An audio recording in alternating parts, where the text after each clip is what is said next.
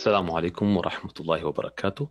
في البداية نشكر الدكتور المعمار راسم بدران لإتاحة الفرصة لنا لترتيب هذا اللقاء ونشكر حضورنا الكريم على انضمامهم لنا. أنا محمد المشراوي وسأكون معكم في إدارة الحوار في المقابلة الخاصة مع الدكتور راسم بدران حيث سنغطي ثلاثة محاور وهي البداية والممارسة والفكر. مرحبا دكتور راسم. أهلا الله يحييك أهلا وسهلا. أهلا شكرا. لك شكرا مرة ثانية على وجودك معنا. شكرا وأنا بشكرك كمان للجهد الطيب اللي عملتوه وإن شاء الله يكون هذا يعني دائما بداية لسلسلة من اللقاءات ال- ذات الفائدة للجميع يعني من طلاب وأساتذة عماره ومهنيين وممارسين خاصة في هذا الظرف الذي نعيشه حول نف... كيف نفهم العمارة والعمران بابعادها الاجتماعية وال- والاقتصادية والسياسية والبيئية والثقافية. بدأت رحلتي مع مع العمارة قبل أن أدرس العمارة يعني ما هي ال- ال- ال- البيئة التي تهيأت لدي آه، وهي البيئة حول كيف أشعر بالشيء، كيف أحس بالشيء وكيف أعبر عنه. آه، هذه الرحلة هي رحلة بدأت منذ أن كنت طفلا. آه، أنا نشات في بيت أنا أصلي مقدسي المولد مقدسي المولد لكن عشت في رام الله، رام الله كانت قرية صغيرة بجانب القدس آه، قريبه من القدس. عشت في منزل اهتم بالفنون التعبيرية، الفنون المرسومة البصرية من خلال المرحوم والدي جمال بتران وهو مؤسس لحركة الفنون في فلسطين يعتبر من من أوائل من أسسوا هذه الحركة منذ الثلاثينات آه، أو قبل ذلك آه، فكان المنزل منزلنا كان بيت البيوت القديمة التي أنشأت في العهد العثماني البيوت الحجرية مع القرميط الهرمي آه، وفي منطقة ريفية في رام الله. آه، كنت دائما آه، منذ أن كان عمري أعتقد ثلاث سنوات قبل أن نهاجر من من رام الله إلى إلى إلى إلى سوريا عبورا بالسلط كانت سلطين المحطة الهجرة لكثير من سكنوا في الضفة الغربية. كنت دائما أراقب الوالد كيف يرسم وكيف ينتج آه، من ورقة بيضاء شيء ما فيه تعبير فكنت أراقب فقط أراقب كيف تتم حدث التعبير هذا آه، الذي آه، يؤثر بالنفس ويشد آه، حواسي أو حواس من من يرى هذا الشيء للذات الإنسانية. أنا هذه عشتها منذ أن كنت طفلا. وربما هذا أثر في أيضا في إنه كيف أقدر آه، أستطيع ان أن أعبر عن عن ما اراه باليد بأن أرسم بالفرشاة خاصة بالألوان المائية. وكانت أولى لوحاتي لما كان عمري أظن ثلاث أربع سنوات تقريبا، هذه كانت قصاصات ورق صغيرة آه، نشرت في كتابي الذي نشره جيمس ستيل سنة 2005 آه، فكنت دائما يعني آه، أنظر للشيء. أنا كنت عايش في جو ريفي. كنت أنظر للشيء أراقبه ثم أعود إلى المنزل وأرسمه من الذاكرة. هذا كانت حياة الريف هي كانت حياة intangible يعني ال- اللا اللا الملموس لأنه الطبيعة والجبال صعب أن ألمسها صعب أن أمسك بيدي بها فكنت دائما أعود المنزل وأرسم هذا الشيء من الذاكرة. وعندما هاجرنا إلى فلسطين إلى دمشق انتقلت من من حياة الريف إلى حياة المدينة المدينة المليئة بالسيارات وحركة السير. اللوحتين في الأسفل يبين آه، لكم آه، آه، كيف تعلمت المنظور وأنا عمري ست سنوات. لأن كان دائما في هناك قلق أنه كيف أرسم الشيء من الداخل. وسألت والدي كيف أريد أن أرسم هذه الغرفة. هذا مرسمنا في دمشق في في مدينة دمشق عندما هاجرنا من فلسطين سنة 48 وهنا وجدت العالم أمامي انفتح. يعني هنا لقيت وجدت نفسي كأنني آه، أمسكت في العالم أمسكت في البيئة التي أعيشها. امسكت بالحواس كيف اعبر عنها تعبير بصري آه، حقيقي. وهنا بدأت رحلتي مع التعبير آه، وعادة كانت هذه الرحلة تعتمد على الذاكرة. أذهب إلى الشيء أنظر إليه بتمعن أو حتى أن أنظر إليه مرات من غير ما ما, ما أكون أتعمد الت... ال... ال... ال... الاستغراق فيه بصريا ثم أعود إلى المنزل وأبدأ أرسم باستعمال الألوان المائية، كانت هذه هي أول بداياتي عندما كان عمري أعتقد يمكن ست سنوات خاصة لوحتين في الأسفل. فهنا بدأت معي فكرة التعبير يعني أنا ما كنت ابن حارة. يعني يمكن في سني كان الأولاد الصبيان كانوا يجلسون في الحارة بالشارع يلعبون بالطابة أو بال بال بالحجارة أو بالكرة. لا أنا كنت أرسم كان الرسم هو هو هذا عالمي. هذا كان يعني آه، هذه هذه البيئة التي أنا آه، يعني سحرتني وشدتني وفيها يعني تمرست فيها كل أنواع التعبير حول الرسم فقط. أنا لم أكن رياضي لم أكن زي ما ذكرت ابن حارة لا أنا كنت إنسان أجلس في البيت آه، بمفردي ويصبح هذا عالمي. كما كان والدي في مرسمه في في في الأربعينات عندما كان يجلس ويرسم رسوماته الفنية والزخارف والرسوم الواقعية فكان يبهرني هذه الحالة كيف الشيء ينتقل من من ورقه بيضاء إلى شيء معبر معبر عنه. هذه انتقلت لي منذ أن كنت طفلا. وربما هذه من نعم الله علي أن أعطاني هذه القدرة أن أرسم وأنا بهذا السن. طبعا رحلتي مع ال مع ال مع ال آه، كوننا كنا دائما في حالة هجرة مستمرة. يعني هاجرنا من من من رام الله عبر السلط سكنت بها يمكن آه، آه، قرابة أشهر معدودة ثم انتقلنا بعدها إلى دمشق مع والدي. ثم بعد ذلك أتتنا أتى لوالدي عين في اليونسكو ليشرف على تأهيل المعلمين في التربية الفنية والحرف اليدوية في طرابلس الغرب. هي العاصمة المملكة الليبيه المتحدة آنذاك أيام العهد السنوسي. كانت طرابلس مدينة يعني نموذج للمدينة الأوروبية. بمعنى أن أنا عشت الفراغ الأوروبي أو الحيز الأوروبي العمراني المدني بدءا في دمشق نوعا ما عندما كنت أروح أذهب إلى سوق الحميدية. ثم هذه هذا الحدث عشته عندما سكننا طرابلس الغرب سنة 1953 في هذه في هذه الرحلة هناك شيء ما حصل لدي عندما انتقلت من دمشق إلى طرابلس. عندما ركبت الطائرة وكانت هذه أول رحلة لي مع الطائرة DC 3 دوغلاس كانت يعني كنا نحن فقط أظن الركاب الوحيدين بهذه الطائرة مع اثنين آخرين أجانب. لأول مرة أرى شيء من من ارتفاع لأول مرة أرى شيء صغير أرى المدينة من أعلى. فكان لأن الطائرات في ذاك الوقت آه، لم يتعدى ارتفاعها ثلاثة كيلومترات من سطح الأرض. كنا يعني نخترق السحب كانت هي رحلة مرهقة.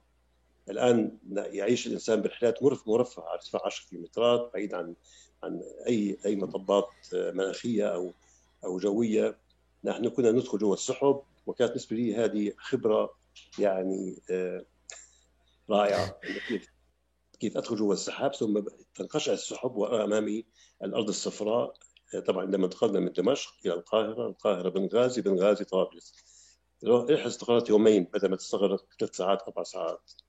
الطائرات كلها محركات جدا بدائية، الطائرة بالنسبة لي كانت هي هذه النقطة تحول في في إنه هناك في طائرة، هناك في شيء يطير كالعصفور ويرى الإنسان كأنه طائر يرى الأرض على ارتفاع ثلاثة كيلومترات يرى فيها كل تفاصيل آه، التضاريسية والعمرانية والشوارع والأزقة والقرى الصغيرة النائية.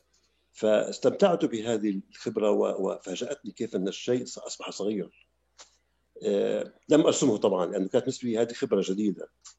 آه، الآن في طرابلس آه، حدث شيء مهم. آه، أنا كنت أعتبر إنه طرابلس شكلت بالنسبة لي هي بداية نشأتي منذ أن كنت في سن أظن الثامنة إلى ما قبل التوجيه يعني عندما وصل عمري 17 سنة تقريبا. هناك عشت في عز ما يسمى المدينة المكونة المدينة التي فيها كل المرافق النسيج العمراني من من اروقه وساحات وميادين وكانت هناك الكنيسة الرئيسية وكانت هناك احتفالات يوم الأحد لأن هي مدينة إيطالية. وعاشوا فيها كثير من الطيران اليهود كانوا هم مسيطرين على التجارة. والشيء الأهم من ذلك انه طرابلس الغرب كانت هي تحتوي أو بقربها كانت أكبر قاعدة أمريكية جوية بعد الحلف الأطلسي بعد الناتو. فكانت هذه آه، هي القاعدة الضخمة اللي فيها كل أنواع الطائرات. وكان الطائرة كنت أراها في سماء طرابلس دائما كل أنواع الطائرات بجميع يعني حجومها إن كانت عسكرية إن كانت مقاتلة إن كانت طائرات نقل. فالطائره شكلت بالنسبة لي يعني نقطة مهمة جدا إنه أنا هنا بدأت أشعر إنه الطائرة هذا هذا هو عالمي. ومن حسن الحظ إنه القاعدة الأمريكية هذه تأوي تقريبا 6000 عائلة أمريكية مع سكانها يعني مع ذلك نحكي عن 15000 أمريكي يحتاجون إلى إلى إلى خدمات لهؤلاء السكان من خلال طرابلس ما قدمت لهم من إمكانات لهذه الخدمات. فكنا نذهب إلى محل الالعاب في في في أحد شوارع طرابلس تجد فيها ألعاب خيالية. طائرات تسير بال remote control آه، الميكانو. فهنا تكونت لدي الحياة الصناعية. كيف أبدأ أدخل في صناعة الطائرة؟ آه، التي تسير باللاسلكي. كنت أصنع أشياء من الميكانو. هذه عبارة عن عن عن عن لعبة بريطانية فيها عدة درجات وكان يستعمل جزء منها في في اختراع بعض بعض التصميم الصناعي الإبداعي في بريطانيا. أنا وصلت للدرجة الرابعة فيه فكنت أصنع السيارات وكنت أصنع الأجهزة الروافع. آه، طبعا هذه الميكانو هذه معروفة بالإنترنت. فهذه شكلت لدي المسمى البعد الصناعي في التصميم والتقني. هذه طبعا أحد رسوماتي لاحدى احدى تصميمي للطائرة أنا صممتها آه، عندما كان عمري 16 سنة تقريبا. فعالمي كان هو الطيران.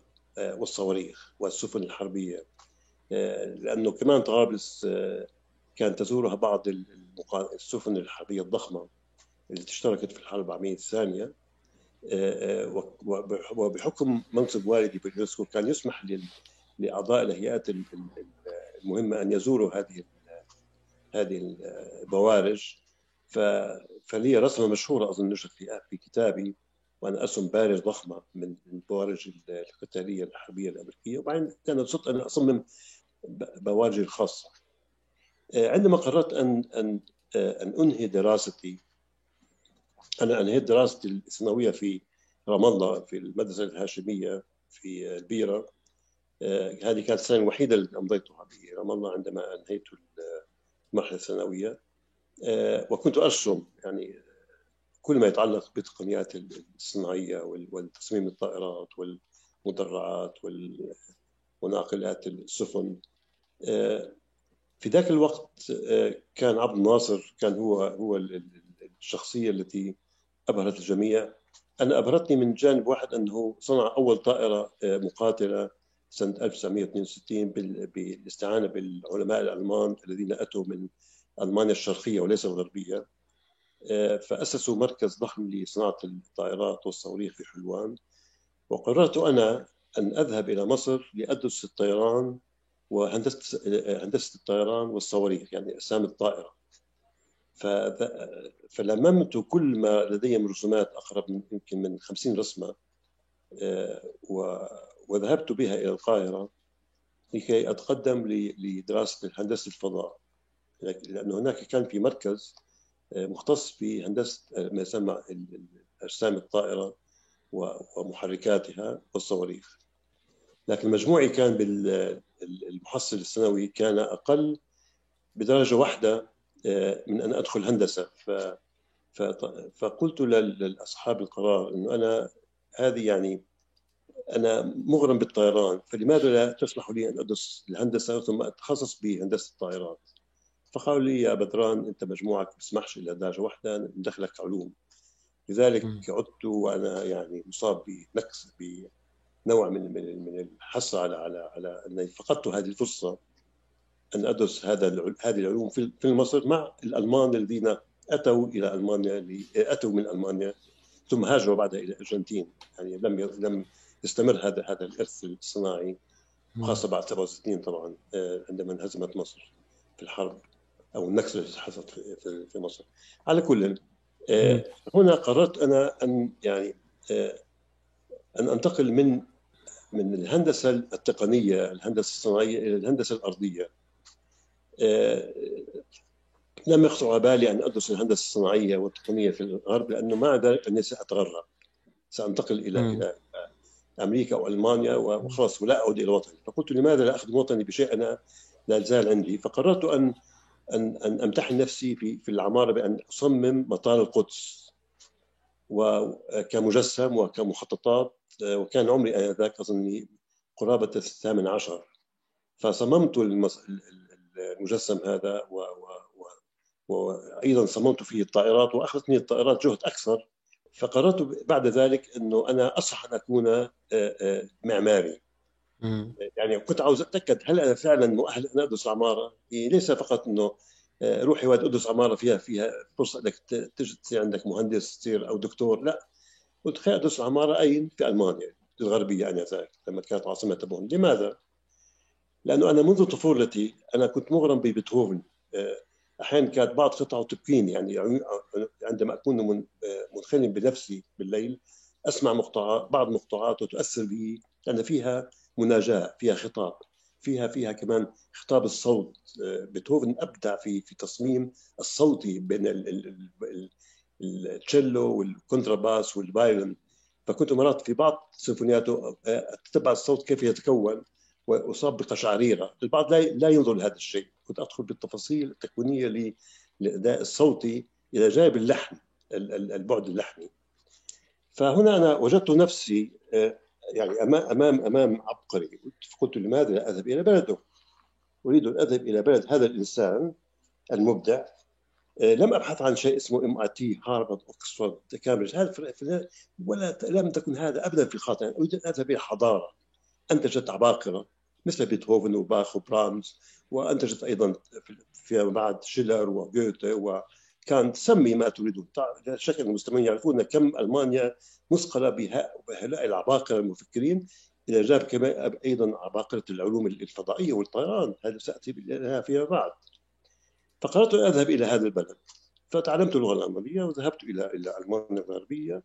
وهذا طبعا هذه رسم أحد رسوماتي لبيتهوفن من تمثال اشتريته ثم رسمته عندي في الغرفة عندما كنت في طالبا في الجامعة.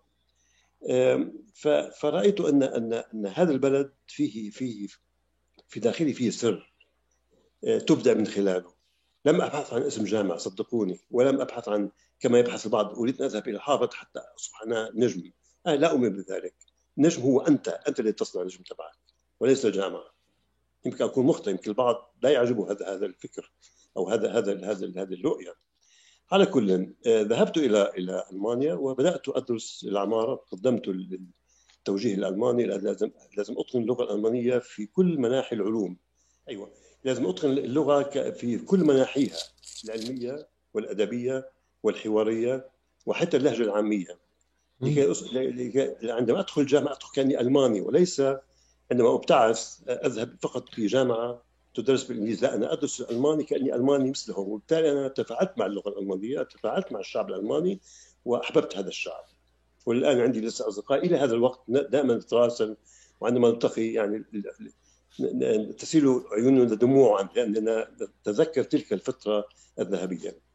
ألمانيا بالنسبة لي كانت كانت موقع آه، فريد من نوعه. يعني بلد جميلة بطبيعتها من وديان وجبال فيها دراما وبيتهوفن عندما أسس عندما أنت سمعت من السيمفونية السادسة لبيتهوفن في أول بداية هذه السيمفونية هذه هي آه، آه، تبحث عن آه، تصف المزارعين والفلاحين عندما يحتفلون بالنهر وبالزراعة ثم يأتي الرعد والأمطار ثم يعني يشعرون بقوة الطبيعة وقوة عن عنف هذه الطبيعة ثم بعد ذلك تهدأ تهدأ الأمطار والبرق وتبدأ السماء تنقشع فتصبح هناك فرحة في فيغنون. هذه كانت السيمفونية السادسة فهي تعكس وصف لطبيعة هي موجودة. كانت ملهمة لكل من صوت العصافير فرضا في موسيقى بيتهوفن واضحة. كان كان كان يسمعها من يسمع العصافير ويجسدها في موسيقاه فهنا بدأت أنا آه، أتقدم لدراسة بعد أن أتقنت اللغة بدأت أتقدم للجامعات آه، ف آه، اخترت ثلاث جامعات جغرافية في الشمال والوسط والجنوب. ثم قدمت لهذه الجامعات بامتحانات قبول. هي امتحانات مواهب. الجامعة ترسل لك بالبريد. ما كان في ذاك الوقت إيميل أو أو فاكس. ترسل لك بالبيت إيش؟ ما هي أنواع ال ال ال ال الامتحانات اللي ستمتحن بها كطالب متقدم؟ بغض النظر أجنبي أم ألماني؟ هنا نحن متساويين. فذهبت إلى إلى ثلاث جامعات شتوتغارت واللي هي الآن معروفة بالعلوم الإنشائية واللي كان فيها فرع أوتو. آه، وذهبت إلى دامشتات ثم ذهبت إلى إلى آه، براونشفايك. آه، هذه مدينة كمان مهمة في في الشمال. في في دامشتات بالذات قدمت امتحان المواهب كان مدته يومين. واليوم الثالث هي الجامعة الوحيدة اللي تطلب من الطلاب كنا نرى نفس الطلاب كان عددهم قرابة 400 طالب وبينهم يمكن كانت 50 أجنبي من من دول مختلفة من تركيا من يوغوسلافيا من اليونان من إيطاليا. ذاك الوقت ما كان في اتحاد أوروبي كانت دول كل دولة بذاتها. ف هذه الجامعة بالذات تطلب منك أن تظل يوم زيادة حتى يعطيك نتائج الامتحان. باقي الجامعات ترسل الامتحانات نتائجها بالبريد. فقدمت قدمت لهذه الجامعة وعملت ما عملته امتحان المواهب كان امتحان رائع جدا حول الذاكرة حول التكوين يعني فيها فيها كان يقول لك أنت كمعماري يجب أن تكون لديك تلك الأوصاف تلك تلك الأطر في في الخيال في الذاكرة في التصور في في في تفسير الشيء تفسير الحالة ساتطرق إلى هذا الموضوع تفسير الظواهر. تصور هذه كانت امتحانات تعطى للطلاب الذين يدرسون يدخلون في دراسة العمارة في ألمانيا. عندما انهيت اليوم الثالث اجتمعنا بالقاعة ثم آه، كان عددنا قرابة 400 طالب. آه، تفاجأت إنه إنه رئيس الجامعة ذاك الوقت كان هو أحد الفنانين المعروفين آه، درس من برونو تاوت هذا فنان ألماني معروف. هذا كان أحد تلاميذته هو هذا بروفيسور في قسم الفنون في الجامعة قسم الفنون التعبيرية. فقال للطلاب يعني أنا أرحب بكم و وأود أن أقول لكم شيئا لم يحصل لدينا منذ أن بدأنا الجامعة بعد الحرب العالمية الثانية. الجامعة فقد تأسست سنة 1870 وهذه الجامعة دامشتات هي أول جامعة في العالم تؤسس فيها قسم الكهرباء تقنية الكهرباء تصور هذه أول جامعة في العالم يؤسس فيها Institute of Electrical Engineering. وعندما فتح هذا القسم أتاه 90% من الطلاب كانوا كلهم أجانب من أمريكا من اليابان من الصين من روسيا لأنه هذا الفرع لم يكن موجود في الجامعات فجامعتي كانت هي تفتخر بأنه هي أول جامعة أسست قسم علوم الإلكترونيات على كل فرئيس الجامعة قال إنه لأول مرة بعد الحرب العالميه الثانية آه، نرى اسم واحد أبدع أتى بأعلى آه، آه، علامة في في في في تاريخ الجامعة اسمه بدران. طلعت أنا فطبعا الكل يعني رحب وصفقوا لي وبعدها عندما انتهت الحفلة أو تلك المناسبة طلب مني آه، سكرتيرة الجامعة أو نائب الرئيس قال لي هل قدمت لي جامعات أخرى؟ قلت نعم قدمت لكذا جامعة فقال لي ابقى معنا نحن نريدك أن تأتي لدينا وانسى باقي الامتحان وبعدها قررت أني أكمل الدراسة الثانوية الألمانية وانتقلت إلى جامعة تامشتات. طبعا بدأنا الدراسة في الجامعة كانت دراسة رتيبة جدا فيها تدخل في مرحلة التفاصيل في أول سنة وفي في كمان التعبير الفني الحر كثير اهتموا بالتعبير اليدوي وبعض الطلاب حتى انسحبوا من القسم بعد أن لم يستطيعوا أن يستمروا بهذا الجانب. ثم أشياء عن التاريخ العمارة فكان مساري فيه مسار يعني لنقول جدا متواضع يعني كنت أهتم بالرسم. هذه كانت احد أحد الأشياء التي آه، يعني كنت أنا متميز فيها الجامعة وكانوا يقولون دائما عني أن أنت عبقري الشرق the genius of the orient. يعني هذا كان يسموني بالجامعة وكانوا يحترموني جدا يعني عندما يرون أنا كان شكلي ضعيف كده مش يعني مش هزيل مش واحد يعني استعراضي. آه، ما صار في آه، يعني الجامعة قسم في ألمانيا عادة الدراسة هي عبارة عن جزئين. ما قبل الدبلوم هو الدبلوم الرئيسي. ما قبل الدبلوم هو يعتبر زي ريبا 1 في النظام الإنجليزي. والدبلوم الرئيسي هو ريبا 2 فأتت حرب 67 ف ونجحت بالمرحلة الأولى اللي هي الدبلوم الأولي أو ما قبل الدبلوم وكانت علاماتي فيه عالية. فحصلت على بعثة من من ال DAAD هذه الهيئة الألمانية للبعثات الدولية للاجانب بعثة غير مشروطة حتى أكمل دراستي بعد الدبلوم. آه هذه الفترة اللي هي انتقالي للمرحله الأخرى كنت أنا الوحيد من صفي الذي انتقل إلى ما فترة ما بعد الدبلوم الأولي. بقيه الطلاب عندي آه، قرروا أن يظلوا كمان سنوات. عادة النظام الألماني كان في ذاك الوقت عبارة عن فصول مفتوحة. أنت تقرر متى متى تدخل الامتحان. فبهذه الفترة بالذات بدأت الثورة الطلابية. وهنا يعني آه، آه، تعرفت على على على على شباب بالصدفة من خلال دخولي لمشروع لأنه أنا كنت دائما أحيانا كنت مرات يعني أكون كسلان ما أكون نشيط كثير في الدراسة. آه، كنت أريد أن أكتشف أروح مثلا على الحواري على الحارات أروح على القرى المحيطة. أحيانا أرحل لبعض المدن المحيطة بقى. ما كانت الدراسة بالنسبة لي مهمة. يعني كنت زي كنت عاوز أكتشف هذه البيئة وأكتشف هذا هذا هذا المكون بين بين بين المديني والقروي والطبيعي.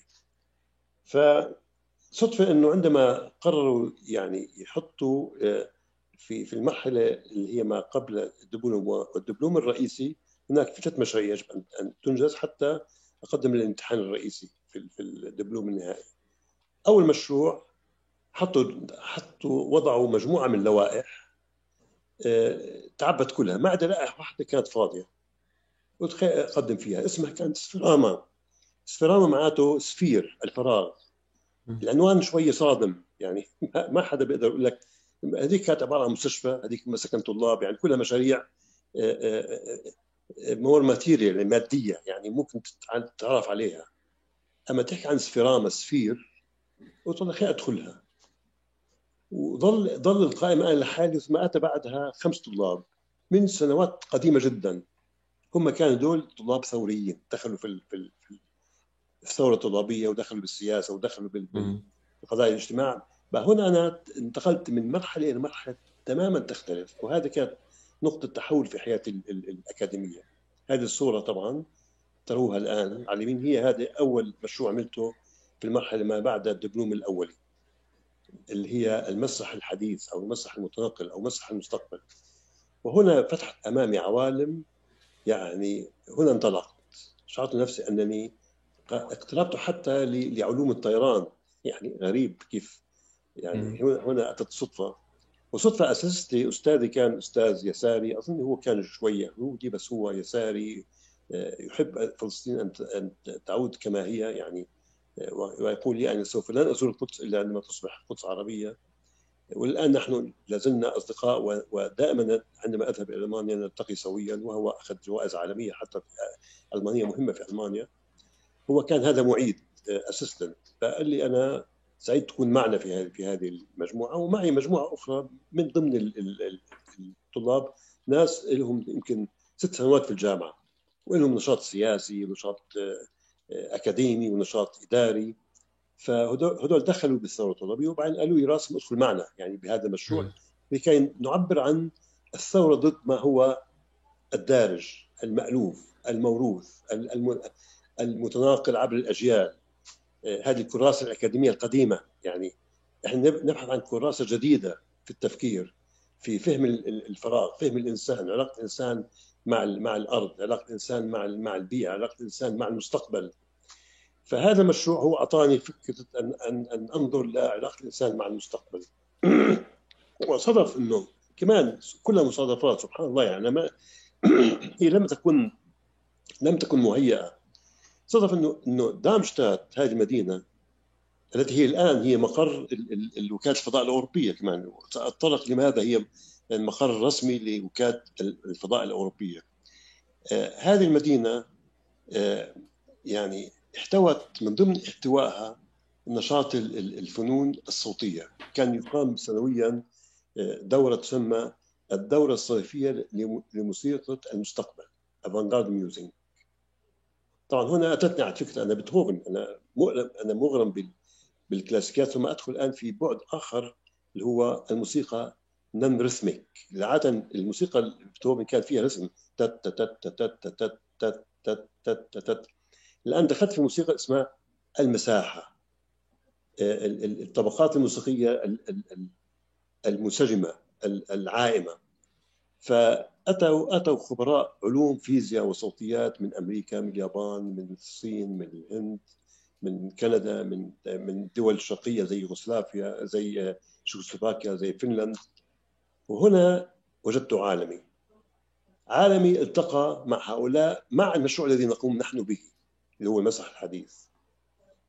فاجتمعنا مع كنا يعني اجتمعنا مع هؤلاء المؤلفين وسمح لنا أن نحضر نحضر ال performance أو أو أو الاداء الموسيقي كان يقام في هذه المدينة وكان عدد الحضور جدا ضئيل لأنه الناس كان يقولون ما هذه الموسيقى العجيبة؟ يعني كيف يحولوا صوت البيانو يحول صوت ال violin يحول صوت البوق.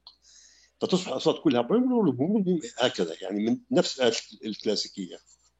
والحقيقة يعني شعرت أن هناك في رؤية للمستقبل البعيد. طبعا هذه الرؤية من تولاها في هناك مؤلف اسمه شتوكهاوزن يمكن تجدها في الإنترنت هذا معروف عالميا. هو الذي ألف هذا هذا الرؤيه في الموسيقى موسيقى المستقبل.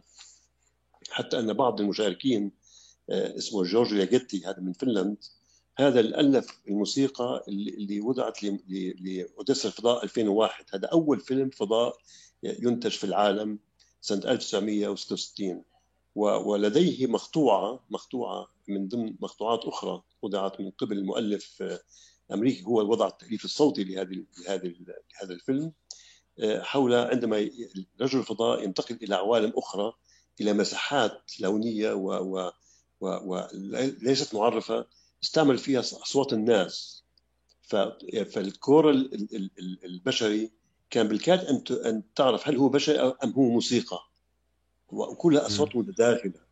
فيها فيها فيها عندما تغمض عينيك تشعر أنها دخلت جوا جوا جوا البقعة السوداء في الفضاء. يعني في شيء في شيء أسرار. لا لا لا تعرف حدودها.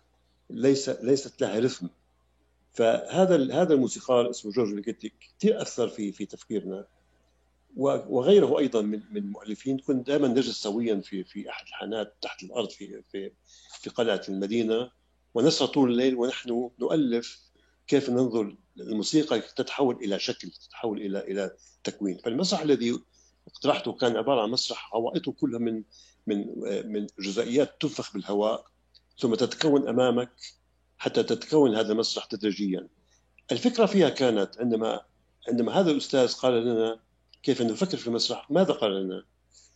امضوا أسبوع كامل في مدن الملاهي لونا بارك. كان دائما يقام سنويا في دامشتات مدينة ملاهي ضخمة فيها كل أنواع الألعاب.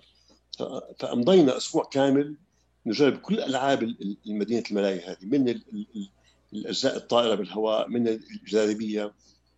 وبدأنا نشعر إنه هذه هي الفراغ. كيف ننشئ من من هذه الخبرة؟ مسرح نراه يتكون أمامك. فيصبح البناء المسرح نفسه هو عبارة عن عن سيمفونية. يصبح هي عبارة عن يعني عن قصة بصرية يراها الإنسان أمامه. فهو مسرح متنقل. فصممنا فيه السيارات وصممنا فيه ال ال ال كل أنواع الغرف التقنية. هذا كان سنة 1909 6 6 68 استمر المشروع سنة كاملة. طبعا الجامعة رفضت المشروع هذا. اساتذه الجامعة قالوا هذا هراء هذا كلام فاضي لكن أين كانت قوتنا؟ إنه التزمنا مع هؤلاء الموسيقيين وعملنا معرض خارج الجامعة يعمل لاول مرة ويعتبر نوع من أنواع الاعتراض على الجامعة عملناها في بلدية المدينة.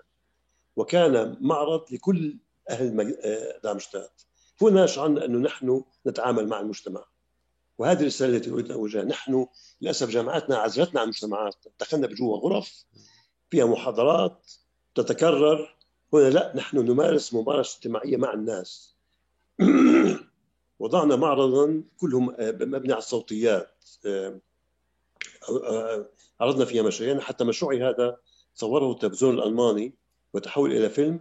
والمشروع هذا أيضا وضع على غلاف الكتاب الذي تأسس ألفته مؤسسة تي فيشر هذه يعتبر من كبار من كبار دور النشر في ألمانيا.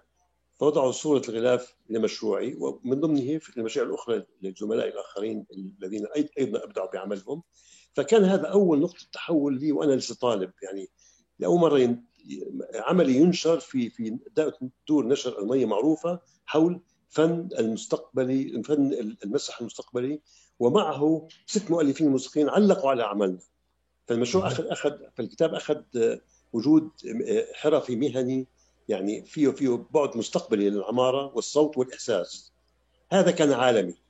هذا كان سنه 68 عندما تحدثت عن عن الثورة الطلابية وعن معايشتي لما يسمى الموسيقى المستقبلية أو أفانجارد ميوزك. هنا يجب أن أتذكر أنه أنه كأنني عاشرت أو يعني تعيشت أو شهدت بدايات ما يسمى التفكيكية. طبعا هي بدأت بدريدة لما لما لما بدأ يألف كمفكر فرنسي عن تفك... عن مفهوم التفكيكية في في الأدب والشعر حتى في مفهوم الصياغة الاجتماعية آه، ظهرت ظواهر كثيرة منها وكان من أهمها الثورة الطلابية هي نوع من أنواع التخلص من من القيود والبحث عن عن عن بارادايم أو عن عن عن إطار آخر آه، فكري آه، يخرج الإنسان من هذا الصندوق ويتحرر ويبحث عن عن فرضيات هو يالفها من خلال تعيشه مع الواقع الحقيقي وليس الواقع الافتراضي أو الواقع المكتوب أو الواقع المؤلف. فأعتقد إنه الثوره الطلابية أثرت في في في منهج التدريس كما ذكرت وهي وهي فيها فيها سمة التفكيك تفكيك كل المؤسسات تفكيك كل الأطر أو أو القوانين أو المحددات. ونفس الشيء في الموسيقى. يعني أنا كأني عاشرت التفكيكية في بداياتها آه، في مجال الفنون الصوتيات. وأذكر في ذاك الوقت أيضا ظهرت آه، موجة الفن المقطع. يعني اللي هو بسموها collecting images أو أو أشكال مع بعضها البعض لتؤلف صورة متكاملة. آه، من من قطاعات متناقضة كيف تؤلف بينها.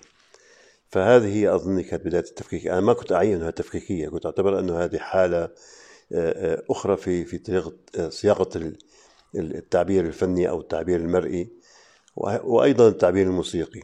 فهذه فقط يعني بس أتذكر دائما إنه إنه إنه الموسيقى المستقبلية هي كانت بدايات كانت إشارة لثقافة الديكونستراكشنست أو أو أو أو أو التفكيكية في في الصوتيات. بعدين انتقلت بعدها في طبعا كان في هناك موجة في الأدب والفكر ثم انتقلت في بالفنون التشكيلية ثم بدأت بدأت بالثمانينات أو أوسط الثمانينات بالعمارة.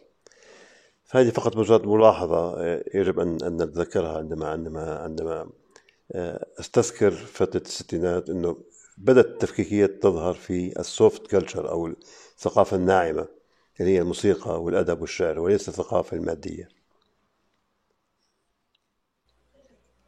طبعا هنا أنا بدأت أشعر إنه أنا عم عم بنتج شيء عم عم عم بعمل شيء آه، نسيت حالي إن أنا أنا فلسطيني أردني كذا أنا هذا نسيته. أنا اعتبرت حالي أنا أوروبي عم بتعامل مع فكرة إنه كيف أنقل لهذا الإنسان الأوروبي الإحساس. كيف يصبح هو مشارك في هذا الإحساس. وبعدها انتقلت إلى مشروع آخر من ضمن مشاريعي آه، أصمم مطار عمان الدولي.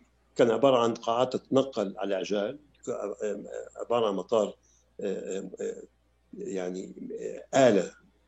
وكان أستاذي آنذاك هو الأستاذ الذي الذي ربح مسابقة ميونخ اللي عرفت عالميا.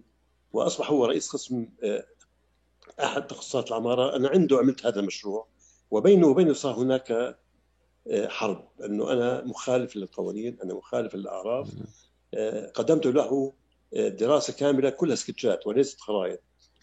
وكان على وشك أن لا يعترف بهذا المشروع بحيث أنه يسقطني سنة أخرى.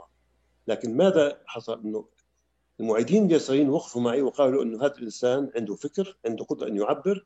الرسم الخرائط هذا كلام فاضي هذا يمكن يعمل فيما بعد إنك تجيب ال T square وترسم بالحبر الصيني هذا كله يعمل يعمل. لكن ما قبل ذلك هناك في فكر في داخل هذا الإنسان أو داخل أي معماري هذا أهم من حكاية إنه إنه ترسم خرائط ميكانيكية.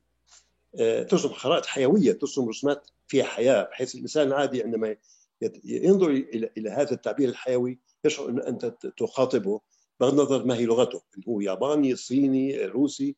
وهذه يمكن ميزة أنا يمكن تميزت فيها في عملي إنه كان كل عملية يدخل في موضوع التعبير المرئي آه، الحواري من خلال ما أقدمه من سكتشات دراسية تحليلية تدرج في التكوين وبالتعقيد إلى تصل إلى فكرة المشروع المكتمل.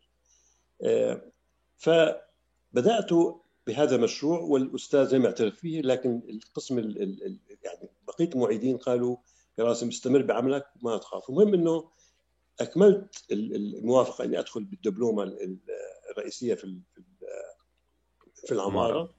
آه وهنا بدأت يعني آه، قدموا أمامنا آه، خمس مشاريع.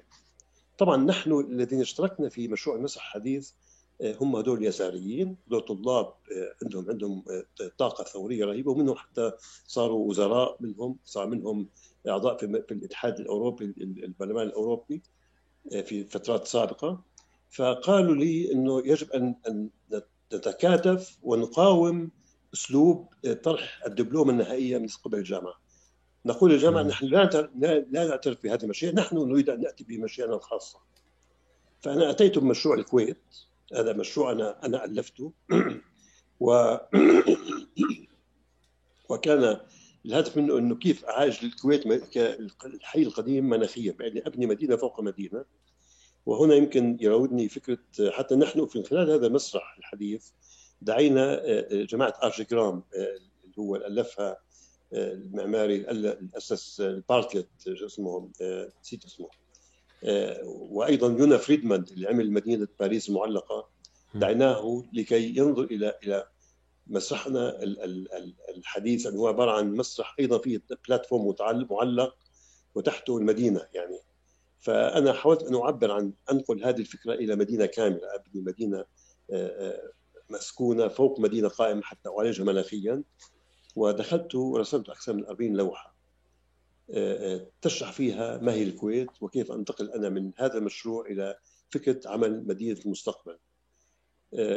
ولم أقدم ورسمت فقط خريطة واحدة. وعندما أتيت أمام لجنة التحكيم وكان من ضمنها أستاذي الذي صمم ملاعب ميونخ في ميونخ ربح في هذه المسابقه العالمية. طبعا كان متحسس مني لأنه أنا كأني وقفت أمامه أن أعارضه بس أعارضه بأدب من خلال ما أقدمه مش أني أعارضه بالكلام وال والرسائل بسموها الغير مهذبة لا. أعارضه من خلال ما أقدمه من فكر. وكأنه هو اعترف بهذا الفكر اعترف بهذا بهذه القدرة. آه، فعندما وصلت إلى آخر لوحة أتت بعد اللوحة فيها خريطة مرسومة بالفريهاند فقلت للمحكمين هل ترغبون أن ترون الخرائط؟ فقالوا لي لا لا داعي. هنا حسيت حالي أنا انتصرت. إن نقلتهم لخبرة الكويت كيف المشروع تكون. لا داعي ننظر إلى الخرائط والمقاطع وال... وال... كما يقدم الآن بكثير من من دراسات التخرج عند الطلاب الأفاضل. ف... فهنا بدأت أنا أشعر إن أنا قدمت شيء. يعني هنا هنا اتيت واحد قال لي أنت عملت الثوره في هذا العمل. أنت أنت الآن فعلا حققت لنا جزء من مطالب الثورة الطلابية في في في في في حيز آه، المنطقة اللي أنا كنت عايشها وسط وسط ألمانيا. طبعا كان معي الناس كمان عباقرة دخلوا بالسياسة ودخلوا بعلوم الاجتماع ودخلوا بعلوم الطبيعة والتقنيات. يعني بس هذه أنا أخذت البعد الفني التعبيري في العمارة كيف أكون أنا سائر. آه، في في إطار هذا السياق الأوروبي. أو وسط أوروبا أو ما يسمى اوروبا القديمة العجوز كما يسميها الأمريكان معني ليست عجوز هي بس هذه يعني نوع من أنواع عدم الاعتراف بأوروبا بهذه دولة, دولة يعني منطقة قدمت الحضارة الصناعية شيء لا, يوصف حتى أمريكا عاشت عليها أصلا. المهم آه، فأنا هنا لقيت وجدت نفسي أني أني وصلت إلى ما أريد وعندما قيموا المشروع أعطوه آه، علامة تميز. الجامعة لم يحصل في تاريخها أن حدا حصل على هذه العلامة فقرروا أن يعطوه جيد جدا. وأنا كما قلت أنا كنت في المواضيع الثانية جدا هامل كنت جدا يعني ما ما أهتم بحكاية إني أدخل بالتاريخ وأقرأ. فأعطوني جيد جدا. يعني كان في بعض المواضيع حتى أخذت فيها C minus يعني دوبك كنت أسقط. لا إذا أنت هل عندك قدرة على التعبير أنت المعماري يجب أن تستمر في هذا في هذا المجال. فهنا وجدت أنه هناك الوعي هناك واضح إنه لما تكون أنت عندك قدرة يرى حتى حتى من ناس من هم كانوا ضدك. حتى أستاذ اللي صمم ملاعب ميونخ اللي أكيد تعرفونها قال لي لماذا يا راسم تأتي معنا على مكتبي في شتوتغارت وأضمك من ضمن فريق التصميم للملاعب اللي اشتغل فيها براي أوتو مع الخيام الضخمة ومع ال... وهذا ملعب كمان حفظ في التراث العالمي. يعني هذا كمان من الملاعب القليله في العالم التي حفظت في التراث العالمي. لأنه هذا فعلا شيء كمان له له أبعاد غير الملاعب تعمل حاليا اللي هي كلها كلام فاضي كلها كلها كلها rubbish للأسف. يعني بديش أنا أدخل فيها هلا بس. خليني أحفظ يعني رأيي بما يجري. آه هذا الملعب هذا تحول إلى park ضخم تحول الناس يروحوا يقضوا أوقاتهم اوقات ال weekend آه يلعبوا فيها بالطيران اللاسلكي والطيران الورقي. صارت هي هي هي جنة لهم هذه الملاعب. وليس عبارة عن بقصص ضخمة مغلقة. كانها صناديق المهم فقال لي قلت له لا أنا ما بدي. يعني أنا لأنه حسيت أنه قال لي طيب كون مع أستاذك اللي درسك مكتب ونعطيك عمل تعمله. فأعطاني بعض الأعمال التي تخدم هذه الملاعب أعمال معدنية من مقاصف ومراكز بيع تذاكر وأين صنعت؟ في مصنع طائرات. قلت سبحان الله يعني كأنه أول عمل أقوم فيه بألمانيا هو صنع في مصنع طائرات. وكانت من أمتع اللحظات عندما نذهب إلى إلى مصنع هذا المصنع نرى الأجزاء المعدنية كأنها هي أجسام طائرات كيف تركب وتوضع في في في القناة الهوائية عشان يعني يعمل تشيكينج على على أيوه هذه هذه مركز بيع التذاكر. وهذا حفظ في التراث المعماري الألماني. أصبح هذا جزء من من الأشياء اللي حفظت. وستوضع في معرض كبير في ميونخ في في فرانكفورت حول معرض تاريخ تطور العماره في في ألمانيا. هذا أحد ما عملته أنا مع مع زملائي وفي هناك قطع أخرى كمان تالي بس على الأقل هذه تظهر أيوه هذه المقاصف تتحول حتى تتناسب مع الخيام. حتى فراي أوتو قال لي إن شاء الله يوم ما أنا أكون لي نصيب إني أدخل في بلادكم وأتى إلى إلى السعودية وعمل خيام ضخمة وعمل الخيام في في الحي دبناسي إلى قصر طويق. فهذه كانت سنة ال 71 تقريبا. انتهى المشروع سنة 72 وكانت هذه من أجمل ما ما عشته في في الموقع في موقع مشروع ميونخ الأولمبيك. ممكن تشوفوها بالإنترنت الأولمبيك كومبلكس في في ميونخ الأصلي اللي هو الخيام الحلوة كأنه كانت وهي خيمة عربية يعني. الخيمة العربية تحولت إلى إلى إلى إلى إلى تعبير تقني وكانت أول خيمة في العالم تعمل. والإبداع فيها كان شيء شيء يعني كان الألمان عاوزين يقولوا للعالم نحن نبدع. بالتقنية وابدعوا بكل شيء بلا شك. هذه كانت تاريخي مع ألمانيا. طبعا اقامتي قربت على النهاية وبالتالي قررت اني إني أغادر لم لم لم أحصل على إقامة عمل.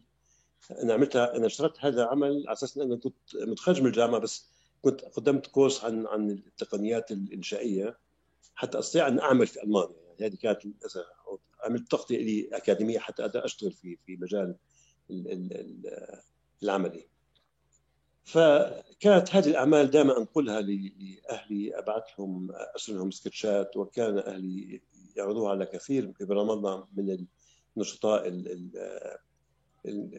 في النقابة وفي الشباب اللي كان لهم دور في في في الضفة الغربية آنذاك. ف فأتيت إلى إلى إلى عمان ومنها إلى إلى رام الله وهناك بدأت يعني وجدت مجتمع عرف ماذا عملت بألمانيا فكأنني لقيت من يستقبلني ويقول لي راسم تعال الآن دورك تعمل شيء بالضفة الغربية. وهنا بدأت معي رحلة يمكن غريبة إنه أول شيء أنا دخلت القدس أنا غادرت القدس عندما كانت في الضفة الغربية كانت تابعة للأردن. لأن دخلت القدس بعد أن أصبحت محتلة.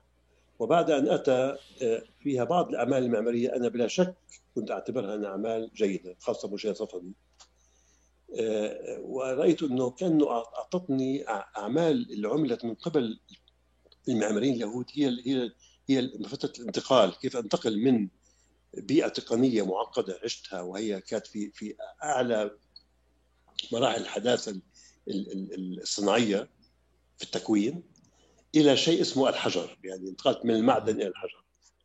فعندما عملت أول عمل قدمته لمستثمر فلسطيني عمل مركز سكني مع سوق في الضفة الغربية في القدس العربية.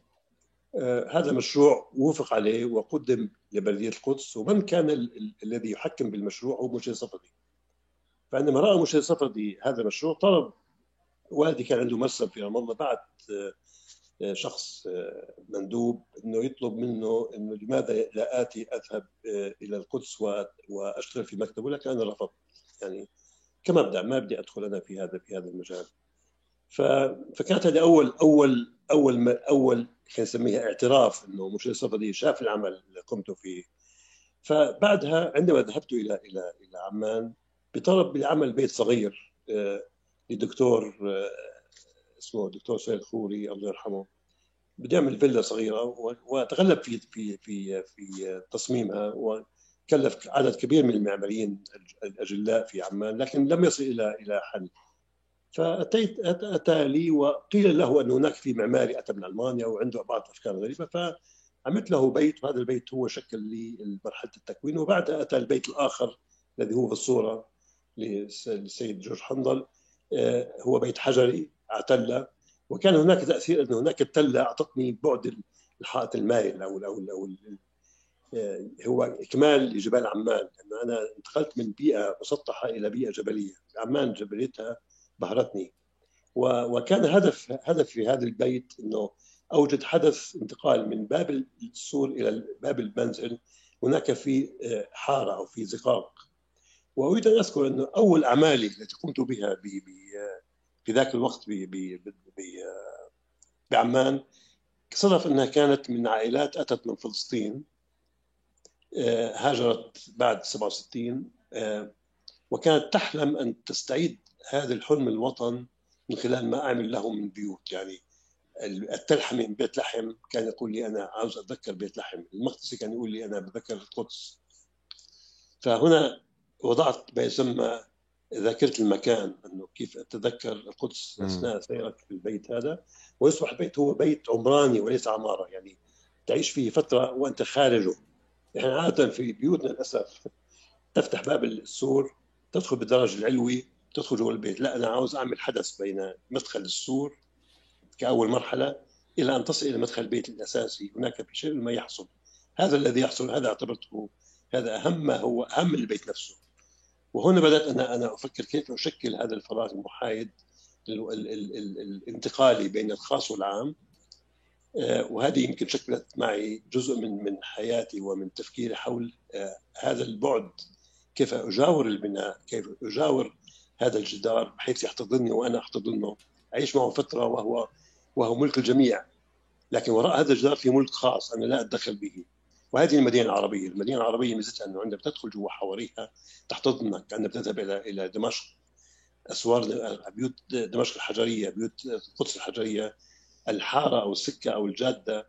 هذه هي البيت الآخر لك، هنا ترى أصحابك تجلس معهم على طرف الجدار، تلبس تلعب معهم شدة أو أو تدخن الشيشة أو ايا كان أو تفتح معهم حديث. فهذا أصبح هو هو البيت الحقيقي. ال- الذي وراء الجدار هو البيت الخاص للنوم والاكل فقط. آه، فهنا أنا بدأت بهذه الأعمال، هذه الأعمال عرفت ونشرت في كتاب مهم اسمه آه، آه، معماري العالم الثالث من من بروفيسور أمريكي ألماني بالثمانينات وحط وضع فيه أعمالي خاصة البلد هذه بالذات وأعمال لرفعت الجدجي ومكيه ثم أعمال لشارلز كوريا لياسمين لاري لدوشري هذه أسماء عالمية آه، فهي اهتمت بالشق الشرقي من الكرة الأرضية وأنا كنت أصغرهم سنا. هذا الكتاب عرف وأصبح آه، يعني أعمالي آه، عرفت من من من ولسه يعني كانت في أول بداياتها لسه ما كانت منتهية لسه. فهنا بدأت أنا يعني تظهر لي أعمال من خلال البيوت الخاصة وكايضا بيت ماضي المرحوم أم سند أيضا هذا بيت مهم جدا. خلاصة القول إنه هذه البيوت آه، أهلتني لأن أنتقل إلى مرحلة أخرى من من من عمان إلى شيء لم لم كنت أتوقعه، أنا لم أتوقع يوم ما أن أكون خارج الأردن، كنت اظن ان أني أنا أردني أعيش في عمان وأمارس عملي في عمان وأنسجم وأكون هناك انسجام بيني وبين العمل، أنا أعيش معه يوميا. يعني عشت هذه البيوت عشتها بكل تفاصيلها وكان أصبح كانها كأنها ابني يعني. اعيش معه وصاحب البيت هو ابنه الآخر. فنحن أصبحنا أقرباء. إحنا عادة التعامل المعماري مع مع الزباين هي تعامل آه، آه، عرضي تعامل آه، اتفاق مادي و فقط. أما هنا نحن نتعامل كأن أصبحنا عائله واحدة. تتداخل مع الأولاد ونتناقش معهم. وكانت هناك ذكريات جميلة عندما تذكر هذه البيوت لكن هذه الآن لن تتكرر لأن اصبح بيجي الإنسان عنده بيت لك صوره أنا بدي أعمل بيت زي الوايت هاوس أو زي الكذا يعني للأسف نحن نعيش في في في في ثغرة ثقافية وحضارية تفقدنا أوطاننا ويصبح الوطن تبعنا وقت وطن مؤقت وليس فيه أيضا بوادر الوطن. فهنا كنت أبحث عن أوطان لهؤلاء الناس. كنت أبحث عن وطن لهم ووطن لي. وعندما ترى هؤلاء الناس أولادهم أصبحوا معماريين أغلبهم يعني حسن الحظ وعندما تراهم عندما يقابلوني يعني عيونهم تدمع. انه انه أنا وضعت لهم شيء. هو شيء مني لهم ومنهم لي. عرفت كيف؟ حتى البعد المادي والتعاقدي اللي هو أصبح انه يهيمن على كل حياتنا اليومية. آه، صدفة أتت هذه المرحلة في إنه في معماري عراقي مرحوم رفعت. رفعت. أتى إلى عمان. وهو سمع عني وكان يرغب في إنه نشترك سويا في مسابقة جامع الملك عبد الله الله يرحمه المرحوم الملك عبد الله في العبدلي. كانت مسابقة عربية لكن هو سجن فمكتبه تعاونت مع مكتبه لكي أنجز هذا المشروع لكن لم أفز به لكن فاز به مشروع آخر هو البنية حاليا في في مجمع المحاكم. هذا الإنسان آه، لم لم ألتقيه لكن هو التقاني من خلال المؤلفات التي اشتركنا بها بهذا الكتاب. فأتى إلى عمان وقال لي أريني هذه البيوت. فرآها وقال لي أعطيني ماذا كان في ذاك الوقت من بيوت موجودة في ذاك التاريخ. فأطلعت على مجموعة من البيوت فقال لي اذا أنا سأدعوك للتحكيم في مسابقة مهمة في وسط بغداد هذه كانت سنة 79 كانت لسه أول بدايات الحرب العراقية الإيرانية الإيرانية لسه كانت بداياتها. فذهبت إلى بغداد ثم قال لي آه، يا راسم أنا بدي أدعيك بعد فترة لمشروع جدا مهم بس هذا خليه يكون سر يعني لا, لا تحكي به. بعد أن عدت إلى عمان أرسل لي رسالة أخرى أنه أريد أن أراك في في في بغداد. أتيت لبغداد وقال لي سأدعوك لمسابقة عالمية لتصميم جامع الدولة الكبير في بغداد. سيشارك فيه فنتوري سكوت براون هو هو أب ما بعد الحداثة. آه، ريكاردو بوفيل اللي هو آه، أيضا أب ما بعد الحداثة الأوروبي ومعماري ياباني أيضا. كل ما كانوا كلهم هذول كانوا كلهم postmodernism يعني ما مدرسة ما بعد الحداثة. ثم دعا مكية قحطان المدفعي ومعاذ الألوسي. وحين قال لي انه إنه أنا أريدك أن تدخل بهذه المسابقة. وهو كان مدير المسابقة لكن طبعا التحكيم فيها كان تحكيم أجنبي. فأعطونا وقت كافي وكان ودفعوا لنا مبلغ يعني آه، تعويض كان جيد. أنا اعتبرت أنه هذه كمان قليلة تحصل معك مسابقات بهذا المستوى وأن يدفع لك مبلغ مقابل المسابقة. آه، قدمنا المسابقة وفزنا بالمرتبة الأولى. فكان هذا يعني آه، هو الحدث المهم في حياتي إنه آه، انتقلت من عمان إلى بغداد بلد الرافدين. آه، مشروع ضخم. صار في هناك لقاء مع المرحوم صدام حسين. وحضروا كل المعماريين. حدد الوقت بالضبط اتينا بالوقت. وكل منا شرح مشروع أمام الرئيس. وقالوا له إنه نحن حكمنا في هذا المشروع ورشحنا بدران يكون الأول والثاني يكون بوفيل والثالث أظن معاذ الألوسي آه، فكان هناك مقترح إنه لماذا لا نتعاون سويا؟ نشكل فريق من آه، زميلي آه، معاذ الألوسي و بوفيل ثم تركت الأمور للقيادة العراقية ثم بعد ذلك الموضوع أجل ثم أجل ثم لغي لأنه الحرب العراقية كانت يعني كانت في أوجها وكانت في سنة أظن 82 82 لكن لكن الفائده من هذا المشروع أنه نشر في أكثر من 13 مجلة معماري آه، من عدة لغات آه، Domus Architecture d'Aujourd'hui Architectural Review.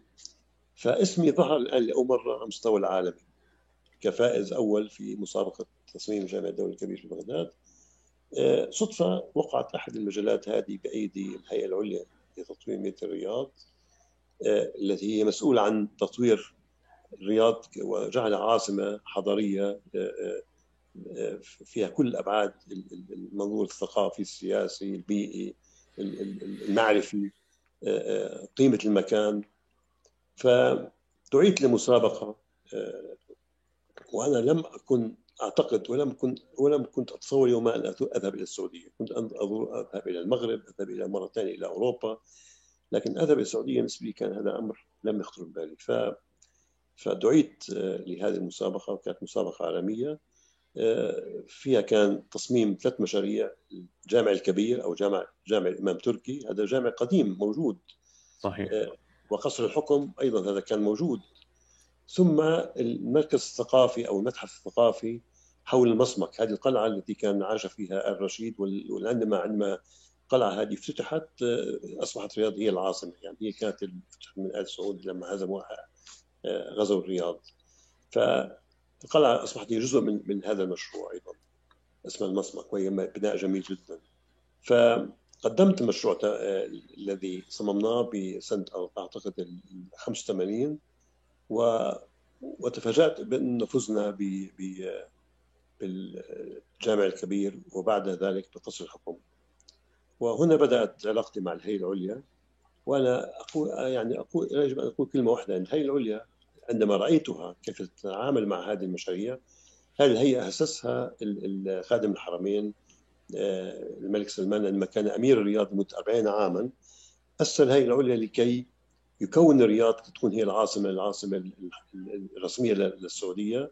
بكل ما تشمل تعنيه العاصمة من معاني من من من تعبير حضري، تعبير سياسي، تعبير ثقافي، تعبير بيئي، تعبير قيمة التاريخ للمدينة كيف تعيد هذا سيره التاريخ بمنهج معاصر منهج فيه حراك فكري وحراك يعطيك فكرة كيف تشكل مستقبلك من خلال من خلال قيم هذا التاريخ القيم الإنسانية والاجتماعية والثقافية ثم تتحول إلى إلى تعبير مادي يعني تتوارد تتوارد تتوارث الأجيال وتعطي مجال لتطوير هذا هذا المكون العمراني. فقدمنا عملا وهذا العمل طبعا يعني كان كان من أمتع اللحظات عندما كنت أتعامل مع الهيئه العليا يرأسها الدكتور محمد آل الشيخ آنذاك وكان فيها يعني عدد كبير من المهندسين عبد الله الشيخ المهندس عبد الله الركبان يعني كان هؤلاء هم الآن من من من رواد الهيئه حاليا هم كانوا بدايات اشتغلوا مع مع مع الأقسام الهندسية وكان فيها عدة واسسوا فيها مكتبة علمية رهيبة. يعني كانت هي أشبه بمعهد أكاديمي معهد أكاديمي لكن هذا المعهد كان كان يطور الرياض واستلم هو الحيدوبلماسي هذا كان من أهم المشاريع التي التي فازت وحصلت على أكثر من خمس جوائز اغان بما في مشروع الجامع الكبير وقصر الحكم الذي أيضا فاز على جائزة سنة 95 بل الهيئه العليا شكلت بالنسبة لي هذا البيت الذي فعلا تفاعلت معه ونسيت أن هناك في عقود هناك في في موضوع موضوع المال مع من خلال مكتب إدارة العمران الذي يعني كان هو الداعم لكل ما قدمناه من أعمال في هذا المجال. وبالتالي كان كانت الهيئة شكلت بالنسبة لي انتقالة أخرى على مستوى على مستوى الإقليمي والعالمي لأنه هذه المشاريع انتقلت وحاز مشروع الجامع الكبير على جائزة الأخان العالمية سنة 95 و 1995 وهو أول مسجد معاصر يفوز بهذا بهذا السياق لأن يعني مساجد أخرى في العالم العربي.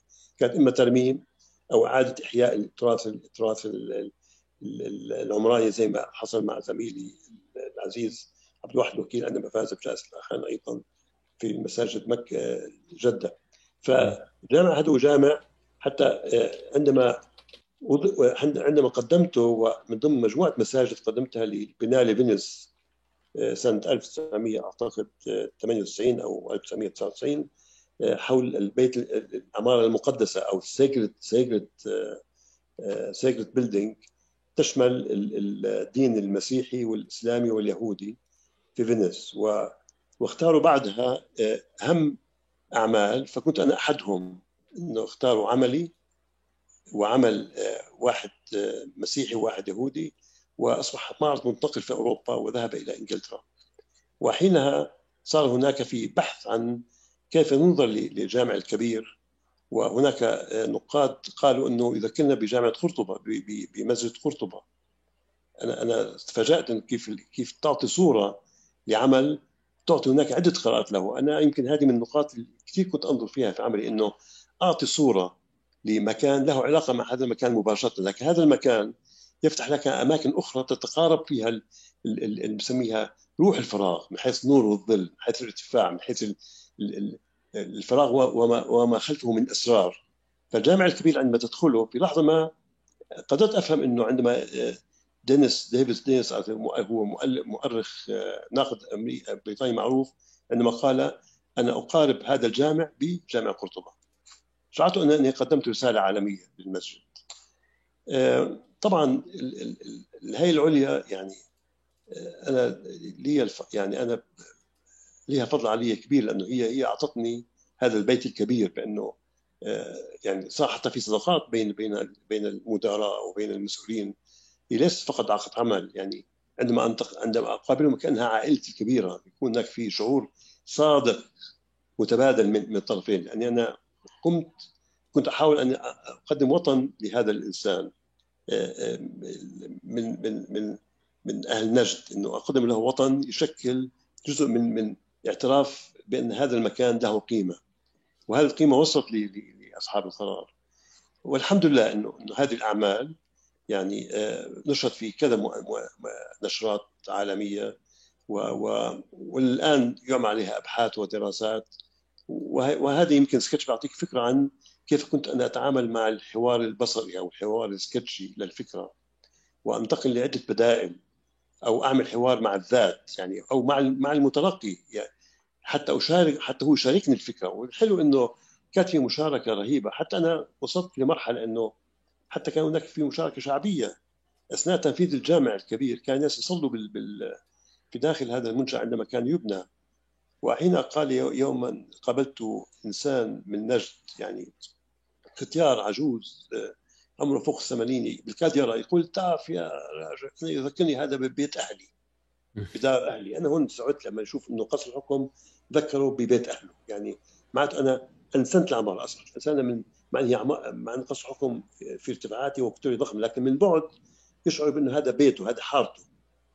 عرفت كيف يعني؟ عرفت كيف إنه حتى البناء السياسي قربته للإنسان العادي. أصبح هذا جزء من من من من ألفته مع المكان. أصبح هذا جزء اللي بسميها العلاقة الحميمة وليس علاقة الرعب من خلال البناء السياسي. آه، آه، بناء آه، استعراضي. يبين إنه أنا القوي وأنت الضعيف. لا هنا هنا شعرت أن الإنسان حس أن هذا جزء من بيته. وهذا هو هذه هذه صلب صلب المكون في في بيئة نجد أو في بيئة السعودية أنه يعني حتى أصحاب القرار عندهم هذه هذه الشعبية الداخلية في عندهم التواضع الداخلي.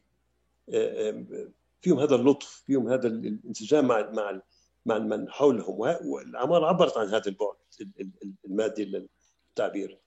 معلش أنا يمكن شوية نسيت حالي بالكلام بس يعني حبيت أقول إنه هنا أنا وضعت يمكن نقطة مهمة إنه كيف أتذكر المكان. أنا عندما ترى هذا المكان وتتذكر الرياض القديمه يصبح هناك في حوار في هناك مقاربه بين الرياض في سنة 1900 1900 ويمكن 20 أو أو 23 24 و1990 هذه المقاربة تجعلك تعيش مرحلة إنه هذا القديم تطور وأصبح أكثر يعني أكثر تفاعلا مع حاجة الناس وأصبح أكثر قوة وأكثر رسوخا. ويفتح مجال ان أن يعني تجهز تحضر للمستقبل رؤية دائما في حالة تفاعل، دائما في حالة اجتهاد، دائما في حالة يعني تعطي قدرة ان أن الإنسان يبدع من خلالها. عندما يراها يضيف من إبداعه شيئا. لا لا تكون هي عبارة عن نقل. أنا لا أريد أن أنقل من تاريخ النقل. النقل التاريخي يقول لك أنك أنت ليس لديك قدرة ان ان ان, أن تؤلف أن تبدع أن ان تستغل ما أعطاك الله من موهبة. كأنه أصبح السابق هو صاحب ما هو نحن لا شيء. فهذه هذه فكرة أعتقد يعني كانت لها أثر كبير. وبعد طبعا انتقلت لمشاريع أخرى مثلا اليمن. هذه صنعاء صنعاء أبهرتني. يعني أنا بعتبر صنعاء نقطة ضعفي لأنه عندما أرى صنعاء أراها عالم عالم عوالم يعني تحكي الماضي وكانت تقول لك فكر لي للمستقبل يعني فكر معي لا لا تغادرني. أنا لم أغادرها من عدة أعمال قمت بها والحمد لله إنه لكن لم تبنى يعني هي بس لكن لحسن الحظ حتى هذه الأعمال التي التي عملت لصنعاء كانت مسابقات. ما استفاد منها الطلاب. طلاب جامعة صنعاء قرروا إنه إنه يعني لوحات هذه يأخذونها يصورونها ويحولها إلى كتاب عن أعمال صنعاء. فأنا شعرت حالي أنني فشلت في المسابقة لأن المحكمين حكموها بطريقتهم الخاصة لكن نجحت على مستوى الشعبي انه الطالب صاحب المعرفة وصاحب الذي يتلقى المعرفة عرف أنه هذا هو مدخله لفهم مدينته. فحولوها إلى كتيب يدرس في جامعة صنعاء. هذه كانت أحد نتائج المسابقات واعتزوا بهذا بهذا الأداء. كيف أن اليمنيين عندهم هذا الحراك عندهم هذه فيعني ما بعرف يمكن تكلمت كثير هنا بس. لا هي كنت أسألك هنا في نقطة إنه الفارق الزمني بينهم كمان طويل وبعدين الانتقال من ألمانيا للعالم العربي الثاني مرة رجعت على المشرق العربي آه، من الصناعة والتكنولوجيا العالية اللي حكيت عنها لرجعت للحجر آه، والتكوينات والفراغات كيف كيف عشت التجربة هاي نفسها؟ آه، كيف قدرت تبدع فيها أو كيف حسيت إنه كان الإبداع كان دور فيها؟ يعني يمكن يمكن الانتقال من من من من العماره الصناعية والغور في عماره الأرض. آه، العماره الصناعية كان كانت شوية بعدها كان بعد شوية تقني. آه، كان بعد وظيفي مع إنه شكل كمان علاقة مع المجتمع. عندما أتذكر ما عملناه في المسرح الحديث أو المسرح المتنقل. آه، وهذه هذه حالة الدولة الصناعية يعني إمكاناتها آه، هي هي الحجر هي المعدن والزجاج والمواد المصنعة زي البلاستيك وما شابه ذلك. لكن عندما آتي إلى البيئة الحجرية أنا رأيت أن الحجر فيه فيه فيه هذه الصلابة فيه هذا الاستمرار أو فيه فيه الثبات. العماره الصناعية عماره متنقلة عماره عماره ممكن أن أن تغيرها ممكن أن أن, أن يعني أنا أعتقد عندما ننظر إلى جورج بومبيدو center في باريس اللي اللي اللي صممه آه، ريتشارد روجرز وبيانو والذي قام بتصميمه أيضا من من صمموا آه، آه، مشروع ميونخ. يعني هذه كمان يجب أن اذكرها إنه بعد أن انتهى مشروع مسابقة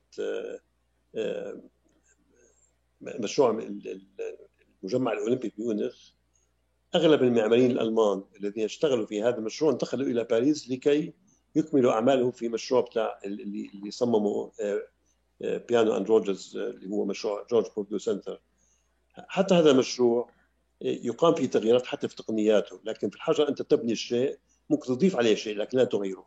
فرأيت الحجر فيه بعد زمني هو يشكل جزء من ثبات العمل في في وسوقه مع الأرض وبشكل شكل هو زي صفحة تاريخية تقول لك أنا هنا موجود ممكن أن تضيف لي شيء لكن لا لا تنزعني من هذا المكان. أنا لقيت هذا هذا قيمة الحجر. لذلك استمتعت بالحجر ك ك كتكوين آه، وشعرت إنه إنه يعطيك مجال إن إن, تفكر أيضا برسوخ هذه المادة على الأرض. كيف تعبر عنها؟ كيف تعطيها حقها للأسف أنا يعني يمكن يمكن اللي عملته بالرياض هو كان أقوى من اللي جرى معي بعمان لأنه أعمال الرياض كلها كانت أعمال حجرية وتشعر ان الحجر آه، هنا قائم موجود لا تغيره عندما يمكن تضيف عليه شيء لكن لا تنزعه لا تخلعه آه، لأنه يرتبط بالأرض. أنا اعتبرت هذه مادة كثير آه، حتى حتى حتى تقنية الحجر يعني حتى مشروع الجامع الكبير أيضا لا كان له تقنية معقدة صنع من من البطون الجاهز وحتى حتى المكتب آه، هابولد ليوبولد هابولد هذا من المكاتب المهمة اشتغلت مع زاها حديد اشتغل في في التكوين الإنشائي وأنا ساهمت في هذا التكوين الإنشائي. ساهم في في التكوين التكييفي أنا ساهمت في هذا التكوين التكييفي. ف فاعتبرت انه انه إنه إنه عمل الرياض يشكل أيضا نوع من التقنية الجديدة، نوع من تقنية المناخ، آه، تفاصيل الحجر، آه، هذه الصورة يعني كمان أنا تقول انه إنه عمارة الصحراء اللي بدأت معي بالرياض ونجد آه، عندما أراقب الصحراء وأراقب الكثبان الرملية والوديان كيف أشكل من خلال الوديان أو الشعاب مع رمال الصحراء ما يسمى آه، عندما أضع طبقة فوق طبقة تتكون لدي هذا التراكم هذا التعريف لكيف أبني الصحراء من خلال الشعاب الطرق الممرات والبيوت المتراصة. هذه هذه صورة طبعا هي خلفها كان في صور أخرى بس لم تظهر. آه، كيف تكونت هذه هذه هاي مثلا الشعاب فرضا. هذه صورتها من الطائرة. أنا عادة عندما أسافر أختار المقعد تبعي أختار عين الشمس حتى. وعاده اللي, يعني عندما آه، المضيف اللي عندما تسجلني في الكاونتر تسالني لماذا تريد أن ان تجلس في هذا الشباك؟ مثل هذا هذا يعني عاوز أصور. يتفكر يمكن أني عاوز أعمل شيء. بقى كنت أبحث عن الشمس كيف أدخل في أختار الجهة الصح حتى أقدر أصور من الطائرة. هذه أحد صوري هذه الشعاب هذه الوديان الرملية في في في في بادية الأردن. فكنت أستمتع بالتصوير هذا وأعتبر إنه هو اكتشاف السري في الأرض مع استعمال نوع من المكثفات الضوئية تطلع معي هذه الشعاب. وهو ومن هنا ممكن أن أكون أنا مدن كاملة من خلال الطرق العامة كيف تسير مع الرمال كيف تسير مع مع مع تضاريس الأرض آه، وليست هذه المدن الإقليدية الذي تبناها دكتور سيادي سامحه الله والذي عملها في في إسلام آباد أو في الرياض أو في مدن أخرى في العالم العربي. فأرى أن هذه هذه بيئة تميز ما يسمى سر الصحراء. هنا هنا يأتي جمال الصحراء من خلال هذه الشرايين الحركة. في مداخلة من دكتور عبد المحسن ناخذها معنا. اهلين اهلين عم محسن. آه آه السلام عليكم. آه، شكرا شكرا جزيلا آه، دكتور راسم. آه، تجربة ثرية وعرض ثري و يعني استخراج الجواهر من الذاكرة والاستفادة منها وال يعني التعليم وتعلم لنا جميعا الحقيقة. شاكرين جدا على التجربة الثرية دي. أنا ليا ثلاث أسئلة مترابطة معلش يعني السؤال الأول تجربتك كان بيغلب عليها الذاتية الذاتية المتفاعلة مع الكونتكست مع المحيط وتفاعل حساس وجميل جدا واقدره تماما تماما يعني. بس أنا سؤالي هل في مرجعيات اخ يعني محددة كشخصيات تأثرت بها؟ سواء في ألمانيا أو في العالم العربي أو في السعودية القامات اللي زي حسن فتحي رفعت الجدرجي أيضا في الأردن هل نقدر نقول أنا متخيل يعني نقدر نقول إلى حد ما إن في مدرسة أردنية في العمارة جعفر طوقان سيادتك طبعا ده, ده السؤال الأول أقول الثاني والثالث ولا أستنى الإجابة؟ لا. هلا هذا السؤال طبعا جميل إنك إنك طرحته أنا أنا يعني عندما أتيت إلى عمان أنا أعجبت باعمال جعفر، جعفر علمني كيف اتعامل مع الحجر، هذه نقطة يجب أن نذكرها. والمرحوم جعفر كان يهتم بهذه التقنية وأضاف لي لأعمال لبعدي في التعامل مع مع التفصيل الحسي المباشر. يعني ليس ليس التكوين العام الشامل اللي هو شوية بيكون انتانجبل أو لا الحسي الملموس. هنا رايت رأيت جعفر أبدع و, و وأنا يعني أقول أنه أبدع أكثر مني بكثير. يعني لدي هذه هذه الرقة في التعامل مع التفاصيل. أنا حاولت هذه الرقة اتعامل معها بقصر الحكم. يعني يمكن قصر الحكم لأنه من الصعب دخوله لكن عندما تدخل قصر الحكم تشعر انه هناك في تفاصيل يمكن تأثرت فيها من من بعض بعض المعماريين اليابانيين في التعامل مع مع الحفر الحجري والنحت الحجري لكن الحداثي وليس الكلاسيكي. الآن بدي أذكر شغلة مهمة جدا يجب أن اتطرق لها.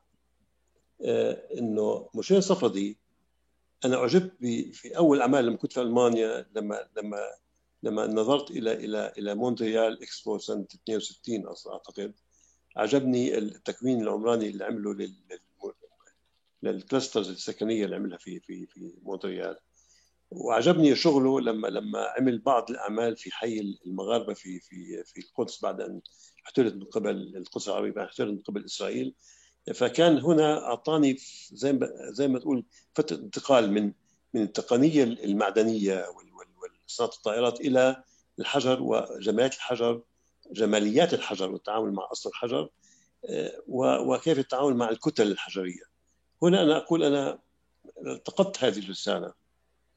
لكن هناك في في كمان نقطة أخرى كانت جدا بالنسبة لي مهمة عندما تصفحت أعمال الويكان لأنه في القدس تفاجأت إنه القدس يعني المحتلة فيها مكتبات وفيها فيها فيها يعني نشاط معمارية كبيرة من جميع أنحاء العالم حتى أكثر مما كنت أراه في ألمانيا. فكنت أحصل على هذه النشرات ألمانيا كانت متحيزة لغتها الألمانية فقط كان كله ألماني أغلبه. لكن في في في في القدس تشعر كأنك في أوروبا في كل أنواع المجلات. فوقعت في توقع تحت يدي أعمال الويكان اللي هو البرلمان أو في بنغلاديش في دكا. رأيت انه أنه كأنني أنا قريب لهذا الإنسان. والغريب إنه كويس انت طرحت هذا السؤال إنه أظن بالتسعينات آه، أتى لوي كان إلى عمان أثناء المغفور جلاله الملك حسين. كان بده يعمل الديوان الملكي اللي, كان كلف فيه بورتوغيزي. ثم بعد ذلك المشروع هذا مشروع آه، هذا طبعا معماري إيطالي اللي عمل جامع روما. وهو أيضا صديق قريب أنا وياه دائما نتراسل لأنه البورتوغيزي كان هو مسؤول عن بينالي فينيس آه، دعاني مرتين البينالي فأتى بعدها لوي كان بعد أرسل شريكه. وشريكه كان كان مطلع على الجامع الكبير بغداد وطلب اسمي انه يقابلني فقبلته وقال لي إنه لوي كان طلب منه إنه آه، آه، أروح معه على بوسطن لكن أشتغل في مكتبه. لكن رفضت. يعني أنا بس حبيت أذكر لك انه إنه هناك في آخرين وجدوا في تقارب بينه وبين لوي كان لأنه لوي كان كان يتعامل مع مع ال pure form مع الشكل الواضح. جامع الدولة الكبير في بغداد هو فعلا شكل هذه المدينة. هي هي هي على فكرة رؤية حتى بعتبرها رؤية شاملة. وكان مع أيام زمان آه، آه، آه، أوليغ جرابر كان مستشار اشتغل معي بالمشروع ثم اختلفنا وقال لي راسم انت عنيد خلاص اعمل كما تريد. لأنه كان عاوز يدخل بعض بعض البعد الكلاسيكي أنا رفضت البعد الكلاسيكي في تفكيره. فكملت المشروع الحمد لله أنه فاز. هذا المشروع للعلم أثر في مشروع جامع الجامع الكبير في في الرياض لأنه في بعض نقاط منه هو تعامل مع الضوء. كيف أشكل؟ آه، هي ليس نظرة ذاتية. أنا ببحث عن البعد الروحي في التفكير إنه كيف الضوء هو يشكل هذا هذا السر في في في شعورك بالهدوء شعورك بالسكون مع الخالق. زي ما عمل آه، آه، ارولات المعماري التركي كمان صديق عزيز. فأنا أقول انه إنه هناك في شيء ما هو ليس بعد آه، شخصي. ولا أنا عاوز أبحث عن كيف أشعر عندما أنا أو غيري يأتي يشعر إن هناك شيء ما اكتسبه من هذا الفراغ. هو ليس لي هو له أيضا. بأنه أفكر حتى بالنيابة عن الآخرين أنه ماذا يجعل الفراغ له قيمة لكل الناس؟ وليس لي أنا حتى أعبر عن عن نمطي. أنا ليس لدي نمط العلم. أنا بدي بدي أقول هذا الكلام أنه أنا ليس نمطي. أنا أتعامل مع كيف أبحث عن عن عن آه، شفرة المكان الشفرة المناخية الشفرة البيئية الشفرة الضوئية بعدين الشفرة الاجتماعية الشفرة حتى حتى العفوية بالإنسان. أنا شوية عفوي في عملي. يعني ما عنديش نمط يتكرر في كل في كل ما أنجزه. والدليل على ذلك عندما عملت مشروع جامع كبير في في الرياض الذي له هو متأثر إلى حد ما في بعض النواحي من حيث البعد الضوئي والعلمي وحتى التقني من جامع الكبير في بغداد كأنه هذا ملخص كان زي انسيكلوبيديا كيف اتعامل مع المناخ اتعامل مع الضوء اتعامل مع مع التقنية المعقدة في التكييف. عندما انتقلت إلى جامع الملك عبد العزيز بالخرج وكثير بعض الناس يقول هذا أجمل ما عمل بالرياض بالسعودية لأنه اهتميت بموضوع الإنارة. تعلمت من جامع الكبير في الرياض كيف آه، أتعامل كيف أصمم الضوء الطبيعي. ضوء يعطيك هذا هذا الرحلة وحتى في بعض بعض المصريين كانوا يمكثون طول الوقت في الجامع حتى يراقبوا الشمس كيف تغير من سمات الفضاء. أين صار هذا في أي مشروع الآن حاليا في الجامع المساجد فيها. تدخل جوا المسجد كلها إنارات سيارات ضخمة زي زي لكن لا ترى الشمس أمامك. هنا ترى الشمس تتحرك لون يتغير في لحظات في لحظات سكون في لحظات تأمل.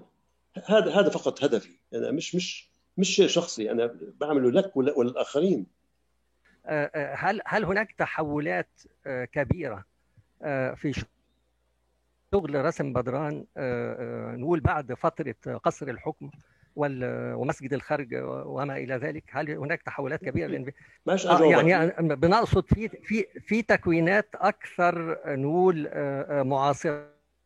يا شوف أو حتى فيوتشرستيك يعني. عشان كمالة السؤال بس عشان ما أخدش وقت أكتر المشهد العالمي وانعكاسه في العالم العربي. رأيك فيه وشكرا. طيب أنا أنا لا يهمني المشهد العالمي خليني أقول لك بصراحه أنا المشهد العالمي لا يهمني ابدا. أنا يهمني مشهد المشهد المكاني أين نعيش. المشهد العالمي مشوش. المشهد العالمي هو هو يعتمد على الاستهلاك وعلى الإبهار وعلى على على استيراد قوة المادة وقوة. لكن أنا أبحث عن نحن هذا المجتمع كيف نعيش وماذا يحتاج هذا الإنسان الشارع كيف أحترم هذا الإنسان المتواضع عندما يسير أمام هذا البناء يشعر أن هذا البناء يعني يقترب له. أنا عندي خبرة عملناها مع ابني أيضا في في مع مكتب دار العمران في في مشروع بتاع جمع المحاكم بأبو ظبي وهو يعتبر أحد الأيقونات بأبو ظبي الآن. لم ينشر يمكن أنا كسول في أن أنشره. هذا المشروع أخذ بعد بيئي وكان في هناك حلم حلم إنه يتحول إلى إلى مشروع اجتماعي الناس يعيشوا في داخله لكن لكن إدارة المحاكم غيرت بعض فراغاته وبالتالي فقط بعض المعاني. يعني بس هذه كانت أول بدايات إنه كيف تتعامل مع بناء أيضا مناخي واعتبر بناء تقني. وكان هناك في في بعض الأفكار إنه هنا أبراج التحكيم تكون هي أبراج لها لها يعني تأثير من الصوامع المساجد في في الأندلس أو في في المغرب لكن هي أخذت أبراج في داخلها المحاكم وتجه نحو القبلة. يعني هذا بعد آخر ثاني لكن يحتاج هذا إلى إلى شرح مستفيض كيف كيف فكرنا في المشروع. هناك في قاعدة ثم هناك المحاكم ثم هناك السقف. كتبت عليه كتابات من من من من قيم الحكم والعدل لكن لغيت وتحولت إلى زخارف. المفروض هذه هذه الكلمات كانت تسقط من خلال النور على على جدران هذه المحكمة بحيث تقرأها وأنت تسيب النهار لكن قالوا هذا حرام وهذا يعني على الكل. بس هي كانت فكرة إنه كانت هناك توجه لفكرة ما ربما هي كانت جريئة. بس هذه نقطة من نقاط التفكير حول حول كيف إنه المكان نفسه يعطيك مجال أن تفكر حسب طبيعة هذا المكان ماذا يحتاجه وماذا يملى عليك. يعني مثلا في في أنا علاقتي مع الرياض علاقة نشأت من خلال طبيعة المشاريع التي قمت بها لأن هي طبيعة المشاريع هي حفظ هذا الإرث الإرث التاريخي السياسي الثقافي وتحتضنه آه، جدار أو بسمى غشاء أو أو لبس آه، يحمي هذا هذا هذا الإرث. كيف هذا اللبس يتغير ويتحول إلى نفس قيمه إلى هذا الوقت المعاصر. لذلك أنا مرتبط بهذه بهذه العلاقة بين بين الماضي كيف نشأ وبين الحاضر ماذا يتطلب وماذا ينظر ل لرؤية للمستقبل. يعني مثلا إحنا دخلنا في بعض الأشياء مهمة جدا لكن ما بدي أحكي عنها هلأ حاليا حول آه، آه، رؤية السعودية 2030 فيها خيال واسع بس طبعا ومنافسه عالميه بس طبعا في بعض منها لم ينجح. بس على الأقل دخلنا في مرحله أن ندخل في المجال العالمي كيف ننظر ل ل ل لكن هذه مشاريع لا, لا تذكر الآن. طب بخصوص الرياض. آه إيه؟ عفوا. عفوا بخصوص الرياض في برضه معنا الدكتور عبد الرحمن السري. آه، ممكن بس آه. دكتور عبد الرحمن. السلام عليكم. عليكم السلام عبد الرحمن. مرحبا كيف احوالك؟ السلام. أهلين عبد الرحمن. كان هو الشخص الذي حكم في مشروع الجامع الكبير سنة 1984 مع آه، مهندس كندي. كان كان جالس وكان آه، يناقشني حول المسابقه وهنا تاريخ مع عبد الرحمن تاريخ طويل. يعني هذا يعني آه، سعيد انه استضفك في هذه الله يخليك. أنا سعيد أيضا يعني هون أنا أقول إنه لما كنت أذكر الهيئة العليا بما فيها عبد الرحمن كان احد أحد من أسسوا يعني كان من من أعمدة اللي أسسوا الفقرة المعمارية فيها كمحكم وكمناقش وكمجادل.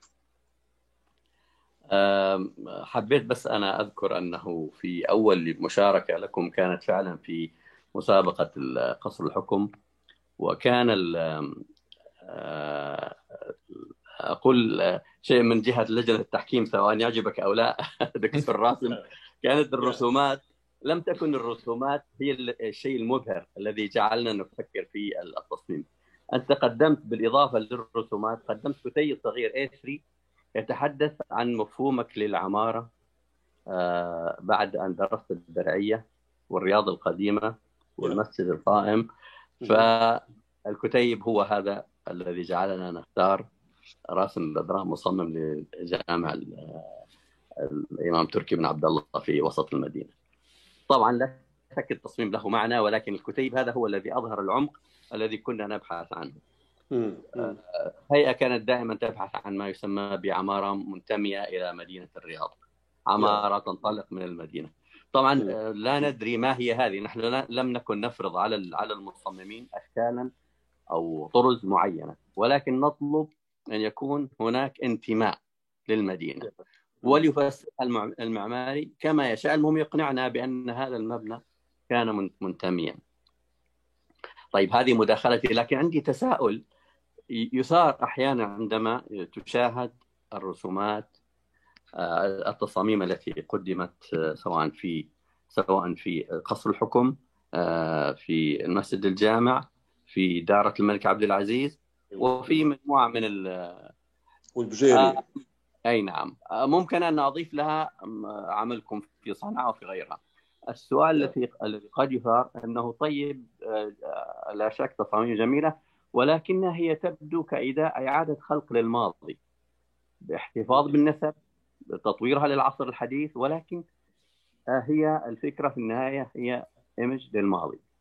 هل تعتبر هذا يعني يعني تفسير معقول أو في نوع من من التقليل من شأن هذه الرسومات من هذه التصاميم التي أنت تقدمها.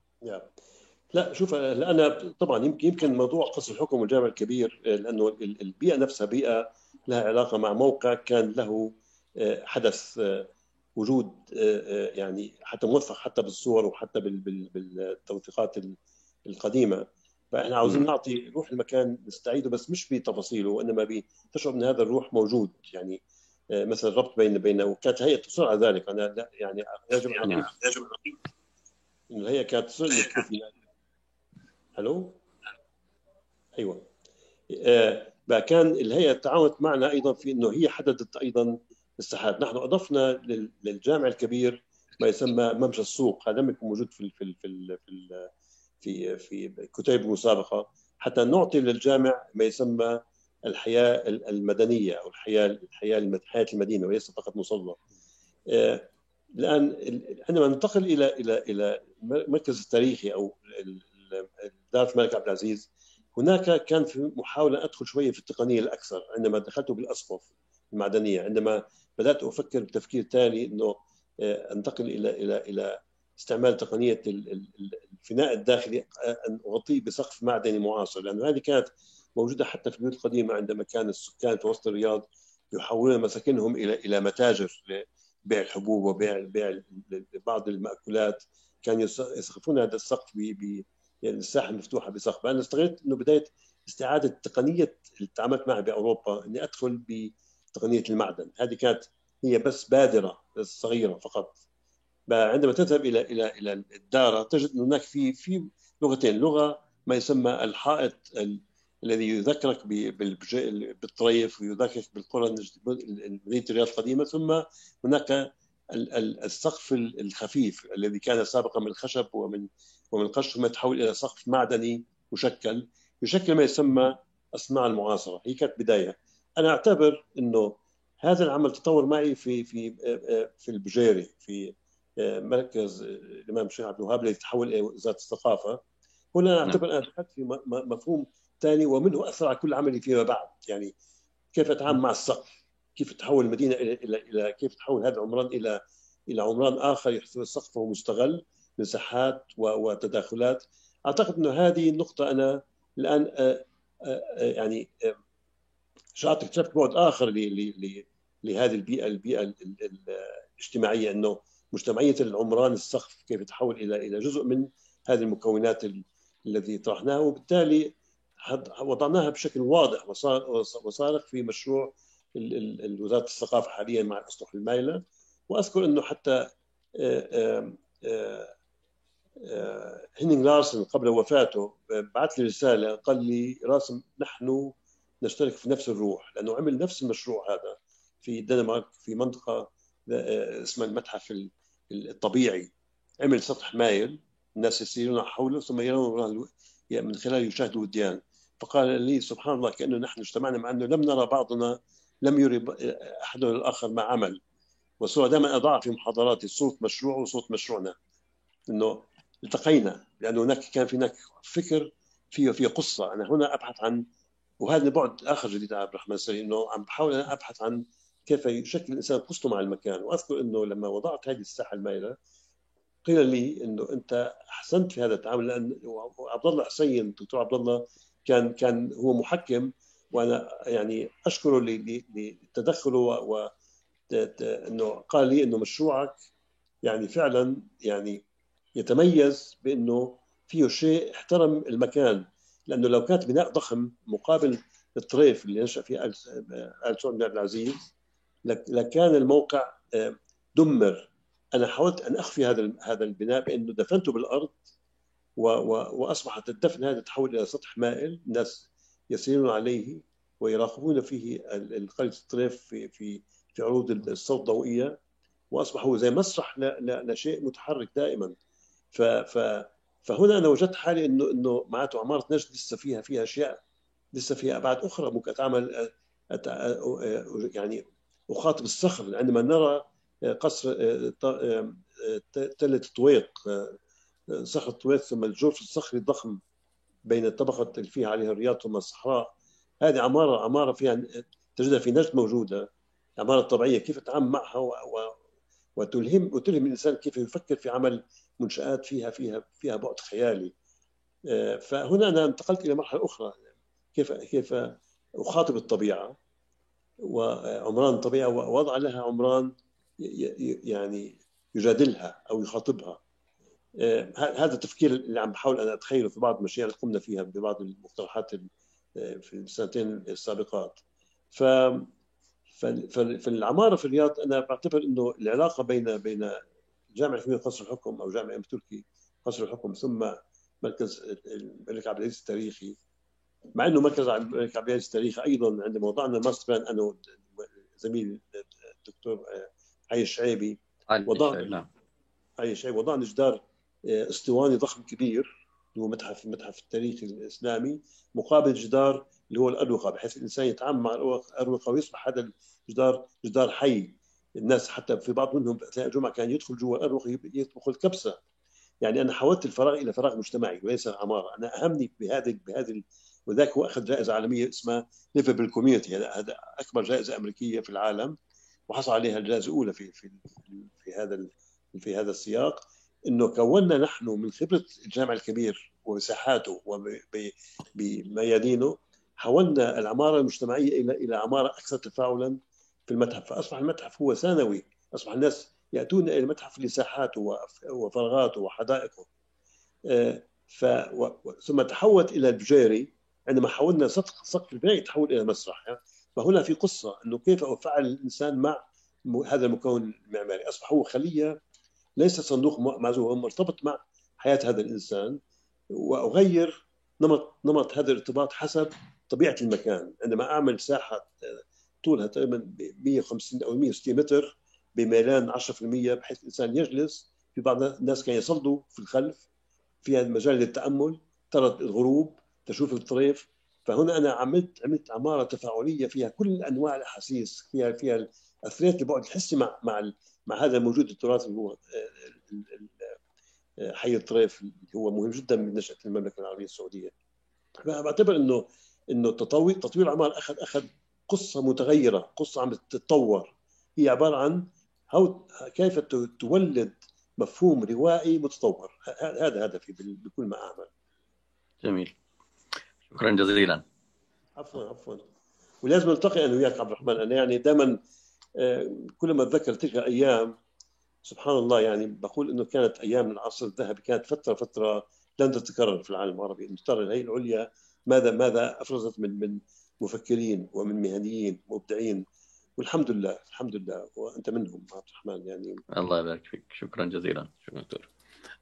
دكتور راسم في كان في قبل ما ناخذ باقي الأسئلة وفي شوية مداخلات في كان آه، نقطة حكينا عنها. هذا مشروع هذا مشروع البجيري. هذا المشروع البجيري بالصورة بجيري وفوق مسجد الإمام محمد الوهاب وهذه وزارة الثقافة.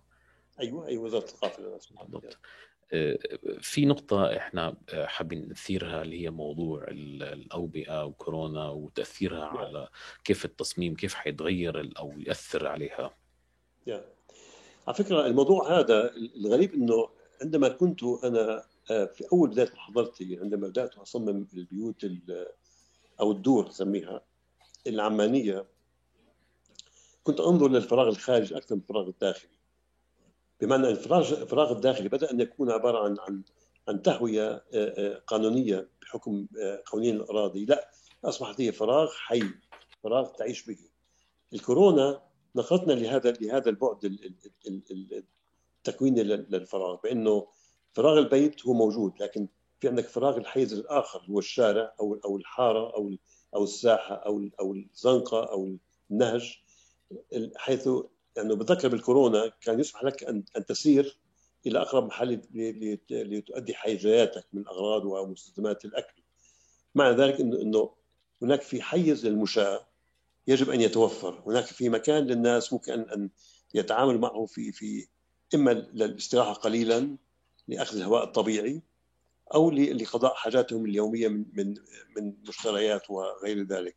فمع ذلك إن يجب أن تكون مدننا فيها فيها ما يسمى شق آخر غير الشق الصلب هو السكني أو أو الخلية السكنية المعزولة إنه يكون عندك حولها في في فراغات أخرى تستعمل لحاجة الناس أن يذهبوا إلى الخارج ليستنشقوا الهواء الطبيعي يخرجوا من من من من هواء المرض إلى هواء الطبيعة.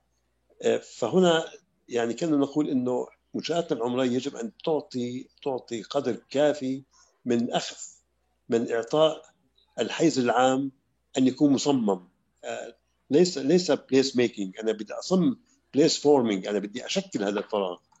ليصبح ليصبح مكان موجود. يعني وشكل فراغ حتى يصبح هو ميكينج بليس من خلال أن تشكل فراغه بمفهوم قصصي بمفهوم روائي تنتقل من من فراغ منفتح إلى فراغ أكثر ضيقا يتعامل مع الشمس والهواء والظل والنور. وهذه مدننا العربيه أصلا. فمدننا العربيه الكورونا كثير تناسب عن المدن الحديثة اللي أصبحت يعيش الإنسان بمكان مغلق ولا تستطيع أن تخرج إلى الخارج.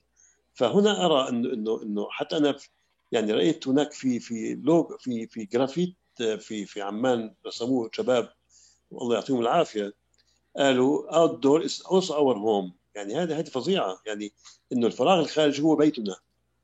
هذه أتت بالكورونا. وأنا كنت دائما أقول إنه هناك في بيتين البيت الخاص يخص الأب والأم والأولاد ثم البيت العام أو شبه العام هو يخص الجيران. هنا ان تشكل ما يشكل حولك ما يسمى العمران المجتمعي وليس العمران الوظيفي. العمران المجتمعي مع ذلك إنه إنه ما بي ما ما خارج هذا الفراغ الصلب هناك في فراغ كمان إنساني أنا ما بدي ابحث عن صحه ضخمه هي كانها كأنها قاعات من غير سقف تسير فيها تستنشق الهواء ترى السماء ترى الغروب تتأمل الشروق تتأمل الغروب. آه هذا جزء من من من من الاستطباب أو أو التطبيب النفسي للإنسان. ان تتعامل مع مع الكون. كما كان في السابق الأحواش الداخلية كانت هي مهمة جدا الافنيه الداخلية تعطيك توازن توازن نفسي وتوازن بيئي مع مع الفصول. لماذا لا ننتج في احيائنا فراغات عامة فيها نفس هذه القيمة المعيشية بحيث يصبح هذا بيتك الآخر.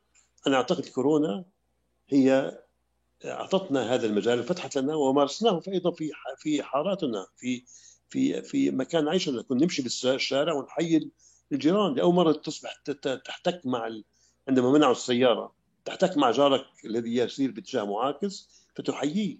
فهذا مع ذلك أنه إنه إنه أنت أصبحت الآن ليس مقتصرا على على على على ما أين تسكن لا أنت أصبح أمامك في في مجتمعات مجاورة لك تبدأ تبدأ تحييها وفي ثاني يوم تقول ما اسمك؟ ماذا تفعل؟ وهذا اللي حصل معي شخصيا في عمان. اذا كورونا فادتنا في شيء إنه فتحت لنا أبواب إنه أشعر أن أنا أعيش مع المجموع وليس أنا أعيش لحالي منفردا. هنا لا أشعر بالخوف أشعر أن حولي في في في عائلة أكبر تحتضنني. هذا الذي أنا أبحث عنه في عملي الآن. وكنت أبحث عنه حتى في في أعمالي السابقة. للعلم أن البيوت اللي عملتها في السابق في عمان كان بعض الناس بالشارع يجلسوا جوا الساحة الداخلية. بعض الناس كانوا يعني هي تطفل يقولوا ماذا وراء هذا هذا هذا الزنقة أو هذا هذا السكة الماشية؟ كانوا يسيرون ثم يقفون يشعرون أنهم دخلوا بخصوص البيت. لكن أحيانا بعض الناس بعض سكان البيت كانوا يقول لهم تفضلوا. يعني أنا انسنت هذا البيت هو ليس بيت مغلق بأبواب من المعدن والحديد وحرس ويقول هذا من فضل ربي. يعني يعني إذا هذا إسلام؟ مش إسلام هذا هذا بالعكس هذا كفر اسمه. يعمل بيت ضخم فظيع ويقول هذا من فضل ربي. لا أنا بدي بلاش اذكر بلاش اقحم الله سبحانه وتعالى بهذا الشيء. الله بيطلب منك انك إنك تشعر مع الآخر. ان أن تشعر تشعر بإنسانيته. نحن نعمل عمارة لا تشعر الآخر بإنسانيته. نحن نعمل عمارة فيها عداء للآخر فيها كره. وهذه رسالة لكل المعماريين. أرجوكم تفكروا بهذا الموضوع تأخذوه بعين الاعتبار انه إنه مدننا أصبحت مدن آه، عنف عمارات ضخمة ناطحات سحاب ضخمة تشعر امام أنت أمام صناديق ما في حياة. تصبح لديك نوع من من من, من عدم عدم الارتياح تشعر روح أوروبا على فكرة. أنا بستغرب بس روح برلين. عاصمه عاصمة أقوى دولة أوروبية. ما في عندنا تحت سحاب روح الحياة القديمة ممتعة. حتى حي اليهود فيها. شيء شيء زي كأنك عايش بالقدس. إحنا مدننا كلها ناطحات سحاب عايش يعني ما بعرف. يعني أنا هون أنا هون أوكي أمن ناطحات سحاب أمن ناطحات سحاب عماره تكون مدينه مدينه مدينة رأسية كأنها مدينة حية.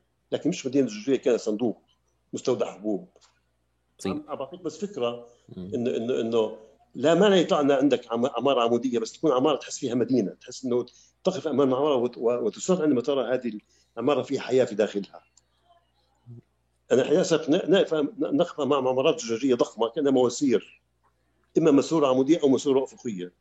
إما مسورة مطار لأحد المطارات في العالم أو مسؤول عمودية. يعني هل هذه حياة؟ أنا أريد منكم أن ان أن يعني تعمل نقد ذاتي. يعني حتى في خبرة عملها ابني جمال بالرياض مشروع عمارة في وسط الرياض. عبارة عن عمارة عمودية كلها كلها تغيرات في الفواجات يعني في عدة وظائف هي سكنية. أعتقد هاي حتكون من العمارات المهمة. فهذه كمان نقطة إنه أوكي في ممكن تعمل عمارة عمودية بس كأنها مدينة. تشعر عندما تقف امامها تستمتع بالرؤية نحو لأن تجد الناس يتحركون في داخلها. مش كأنها صندوق. نحن إيش نعيش الآن في علب للأسف. صح ولا لا؟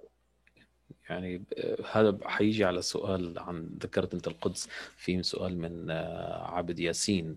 كمعماري عربي فلسطيني أي رسالة أو توجيه للمعماريين الفلسطينيين خصوصا في فلسطين 48 بإنشاء عمارة مقاومة ترسخ هوية للمكان الذي يواجه محو لهويته فموازاة الاغتيال الثقافي لعروبة المكان؟ كيف نتعامل مع هذا الواقع الأليم؟ أنا بقول إنه إنه إنه عندما تكون فلسطينية تعمل عمل لك ب ب ب بالقدس أو بالناصرة أو ب يعني حلو تنظر للعمارة التراثية وتحاول تطور أبعادها وتنتج عمارة ليس لا أن تكون نسخ لما هو قديم بس تجدد فيها. كما فعل يمكن مش صفدي جزء في أحد أجزاء أعماله بس مش كل أعماله. آه، لكي تقول أنه أنا فلسطيني أستطيع ان أحافظ على على على هذا المكون الروحي المادي الشعوري حتى أيضا الإنساني. آه، لكن بدك بدك صاحب عمل. يعني المشكلة ان مشكلتنا إحنا الآن يا إخوان. يعني بقول الهي العليا أنا نعم أنه عندي الهي العليا بصراحة. يعني أحكيها بكل يعني كنت أتمنى يكون عندنا هيئات عليا في العالم العربي. جد أحكيها بكل صدق. أنت بدك صاحب العمل هو هو المصيبة الكبرى في في مدننا. أصحاب أصحاب المشاريع المشاريع الاستثمارية أو أو أو ال real estate development مصيبة مصيبة دول مجرمين إنه أنت يس يعني أنا يمكن محظوظ. وأشكر ربي على إني إنه الهيئة العليا احتضنتني وأنا تفاعلت معها وفعلا مستعد إني إني أعطيها كل ما عندي من من من قدرات لأنه هذا هذا حلم حلم عم يتكون ولحسن الحظ تكون. وأصبح له تاريخ من سنة 85 إلى هذا اليوم. مع نفس الهيئة. وعبد الرحمن السري أحد شهديها وعندك عبد الله الركبان وعندك آه، آه، آه، شباب يعني نوارة. عرفت؟ كيف عندهم هذه هذه هذه عاوزين يعملوا شيء لوطنهم. بدي أعمل وطن. أنا هدفي تعرف شو؟ أنا هدفي إني من عمل بدي أعمل وطن للآخرين. بس عرفني ما هو الوطن. حناخذ مداخلة من دكتور حسن واكد. دكتور راسم بارك الله فيك. أهلا حسن. الله يحفظك يا سيدي الله. يخليك. طبعا أنا ما شاء الله عليك يعني أنا يمكن ما تتذكرنيش عشان لا إيه طبعا طبعا. أنا عفوا في اصله في الثمانينات.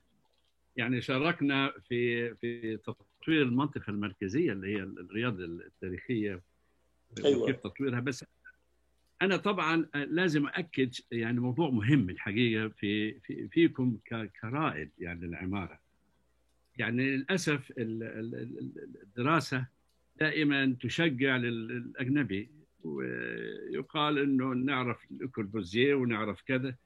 لابد الاهتمام في التعليم بالروادنا اللي لهم مبدأ ولهم رؤية.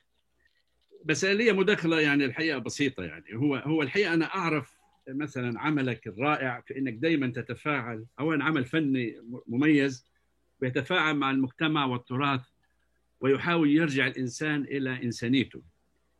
آه، سامحني في إني يعني أرجع بالتاريخ شوية. أنا أتذكر لما طرحت مسابقة ال- الثلاث مباني في منطقة قصر الحكم اللي هو المسجد الجامع وقصر الحكم وال- والمركز الثقافي. آه، كان المعطى عندك يعني آه، كان بعيد شوية في البداية كمنافس كان بعيد عن عن العمارة النجدية. يعني أنا اتذكر المسجد كان شوية متأثر ب يعني في قباب وفي أشياء أو يعني له له, له مرجعية شوية بال الله يحفظك اللي سويته في ربما في في مشروع العراق المسجد ال- ده. وكمان حتى قصر الحكم ربما حتى في البدايات كان بعيد. ال- الشيء الجميل الحقيقة نتصوره هو ان الهيئة العليا لتطوير مدينة الرياض كان هناك إشكالية بعد الطفرة إن هناك انهزام حضاري. وكان الأمير سلمان الملك سلمان الله يطول في عمره آه، حقيقة له توجه وله رؤية أن أنه لابد أن نتمسك بالهوية والعرف والثقافة لإرجاع يعني ال- ال- ال- العربي والمواطن السعودي والاعتزاز بقيمه العليا. آه، اللي أنا ودي اكده إنه ربما هناك يعني طبعا تأثر اولا بالهيئة وكان هناك مسجد الحي الدبلوماسي اللي كان بيعكس هذه الهوية طبعا كان في في البيئة وعلي الشعيبة وكان أكيد آه، آه، الله الدكتور محمد آل الشيخ آه، الله يعني يبارك له كان ليه يعني اهتمام كبير بهذا ال- ال- التوجه. ال- العظيم فيك الله يحفظك أنا بتصور إنك بتربي أجيال لأن إحنا يعني أنا الحقيقة يعني استمتعت كثير بتلامذتك. إنه لهم رؤية ولهم فأنت بتصنع أجيال ودي الحقيقة أنا بعتبره شيء شيء عظيم منك. ال ال آخر شيء ودي يعني آه، آه، يعني أنوه عنه إنه برضه لا تنسى تفاعلك مع دكتور عبد الحليم إبراهيم كان له تأثير عندك لأنه كان الفكر كان متقارب ولكن كان ليه عطاءات كمان الشباب يعني أنا أتذكر في دارة الملك عبد العزيز كلموني يعني لما كانوا يتفاعلوا لأن إحنا اشتغلنا عليها فترة كبيرة آه، كنا بنسموه يعني المتحف الوطني وبعدين كيف نحافظ على المباني وكذا. بس كان قضية إنه يدخلوا المعدن. إنه الشباب يعني كان حتى متحمس وبعض الشباب قالوا لي إن إحنا يعني أوحينا برضه بهذه الأفكار في, في الهيئة آه، وده. آخر شيء لما بتكلم عن القدس هناك تهديد الحقيقة. أنا حقيقه مهتم به لأنه في دراستي حتى في الرسالة في الدكتوراه بموضوع المناطق المقدسة إن هناك زحف آه، للأسف للمستوطنات والمباني المرتفعة والقيم اللي كنا نعتز فيها وكنا نعطي المثل إن القدس بتعبر عن الروحانية وزي ما فضلت رفضك للمباني المرتفعة اللي بتنافس ال يعني ال يعني الروح الإيمانية. الناس تيجي من آخر ده للغفران وإحنا نحط نستثمر ده في الاقتصاد. ليك حق بس الخوف القدس زي ما تفضلت إنه الحين أنا يعني الحين يعني متوتر. يعني بتكلم عن مشي صفدي وغيره لكن هناك مباني بتزحف مرتفعة وتكسر القاعدة وده. فأسمع رأيك في هذا الموضوع. والله يحفظك. شكرا جزيلا. الله يخليك. بس حبيت بس أعدل بس شغله بالنسبة لإمام إمام تركي من عبد الله بالرياض. المشروع قدامنا ما كان في قباب كان هو مشروع يمثل جزء مهم جدا في فهم العماره النجدية. ال- ال- العماره المناخية أيضا. آه، فمشروع إحنا إحنا تعاملنا معاه من من خلال دراسة درسنا فيها من خلالها ما كان موجود وما كان سابقا. وبذكر انه إنه آه، خادم الحرمين الشريفين عندما كان أمير الرياض كان يجلس معنا ويقول أنا عاوز أعطي كان دائما يذكرها عاوز أعطي قيمة اجتماعية لهذا العمل. يعني نقول المسابقة في البدايات لأنه إحنا كان لما طرحت بعد ما ما ال master plan يعني ثبت آه، طرحت الثلاث مباني كبادرة لبداية التنفيذ. فأنا أقصد أقول الطرح الأول في المسابقة قبل التعمق العظيم اللي دخلت فيه وأكيد يعني أنا ما لا, لا, لا ابدا لا أقلل من من عملك الإبداعي. بس أقول إنه هناك تأثر فعلا بالتوجه هناك فضل ما في شك للتوجيه زي ما تفضلت من من السلطة وال يعني التوجه للهيئه العليا وال والأمير سلمان الله يطول عمره الملك سلمان الحين لكن له بصماته العظيمة. فأنا أقصد أقول لا في البدايات كانت بعيدة نسبيا وأول ما تواصلت أبدعت و, و, و يعني هذا اللي أنا كنت يعني أستفسر عنه في البداية. يعني قصدي إنه في بداية المسابقة اللي اختاروك من هم اختاروك من من العمل الفني والتحليل ولكن ما, ما كانش باين لنا أنا شفت الحقيقة. ما كانش باين هناك يعني آه، لسه آه، آه، بعد تراثي لا ننسى كمان انه المنطقة كان لها دراسة خاصة. يعني سوتها البيئة في إنه علاقة المسجد الكبير بالقصر الحكم والجسور الموجودة والساحة والأمور دي والساحة. فالتراث ده الحقيقة بنته البيئة وحطته كعمل للهيئة العليا للتطوير مدينة الرياض وكانت هي ك urban design guideline. فلا ده كان مقصدي يعني أقول. على فكرة على فكرة استفدنا من هذه الدراسة أيضا. أنا بذكر يوم جيت البناء نشط وحصلنا نسخة ودرسته بكل تمعن يعني وبارك الله في الدكتور في المهندس علي الشعيب إنه كان له دور كبير في هذا في هذا في هذا الله يحفظك الله يحفظك أنا هذه هذه يعني لازم أعترف فيها. أنا كنت موجود معهم وشاركت في قصر الحكم وكنت شفتك وكنا بنعتز يعني مع الهيئة حتى لما دخلنا في تصميم إعطاء المخطط الأولي أو البديل لمجم... لمركز الملك عبيس التاريخي الذي كانت مسابقة عالمية وكانت قدمت فيها أربع مشاريع لكن كانت كلها مشاريع ضخمة كبيرة عبارة عن كتل ضخمة. آه، قررنا إنه ولم إحنا كنا محكمين فيها. اي نعم. ولكن للأسف قلنا لعبد الله آل الشيخ وقت كان هو هو رئيس الهيئه العليا قلنا له إنه والله ما قدرنا نحصل على أي نتيجة جيدة فهو شعر بقلق لأنه كان المفروض هذا المشروع ينتهي بسنة 2000 لاحتفالات المملكة الثالثة يعني كان احتراف على أساس المناسبه المئوية. ف فقرر يدعونا مرة أخرى ونقدم حل سكتشي. وقدمنا حل سكتشي فككنا في المشروع كله. تحول إلى مدينة إلى عمران وليس عمارة. ثم دعوا ناس من من MIT ليحضروا ويحكموا في نفس المشيئة السابقة الأربعة اللي قدمت من قبل شركات عالمية. وبما في سكتشات فقال هذا الرئيس ال MIT قال I will choose this one أنا بختار المشروع هذا اللي هو اللي استخدمناه إحنا. والحمد لله. هذه كانت بالنسبة لمركز الملك عبد التاريخي بكل عناصره التاريخي منه نعم. والاداره آه، الآن ندخل بس في موضوع اللي هو آه، ليش كنت أجاوب على إيش؟ نسيت لا أقصد أقول يعني الدراسة الأولى والتحليل الأول اللي كان آه، يعني اللي وجهت له الهيئة العليا للتدريب بمدينة الرياض اللي بعدها انطلقت بعد ما اخترت. يعني yeah. يعني وجهة نظري إن البدايات كانت يعني كانت بعيدة نسبيا لكن هناك تحليل وهناك محاولات جادة وجميلة.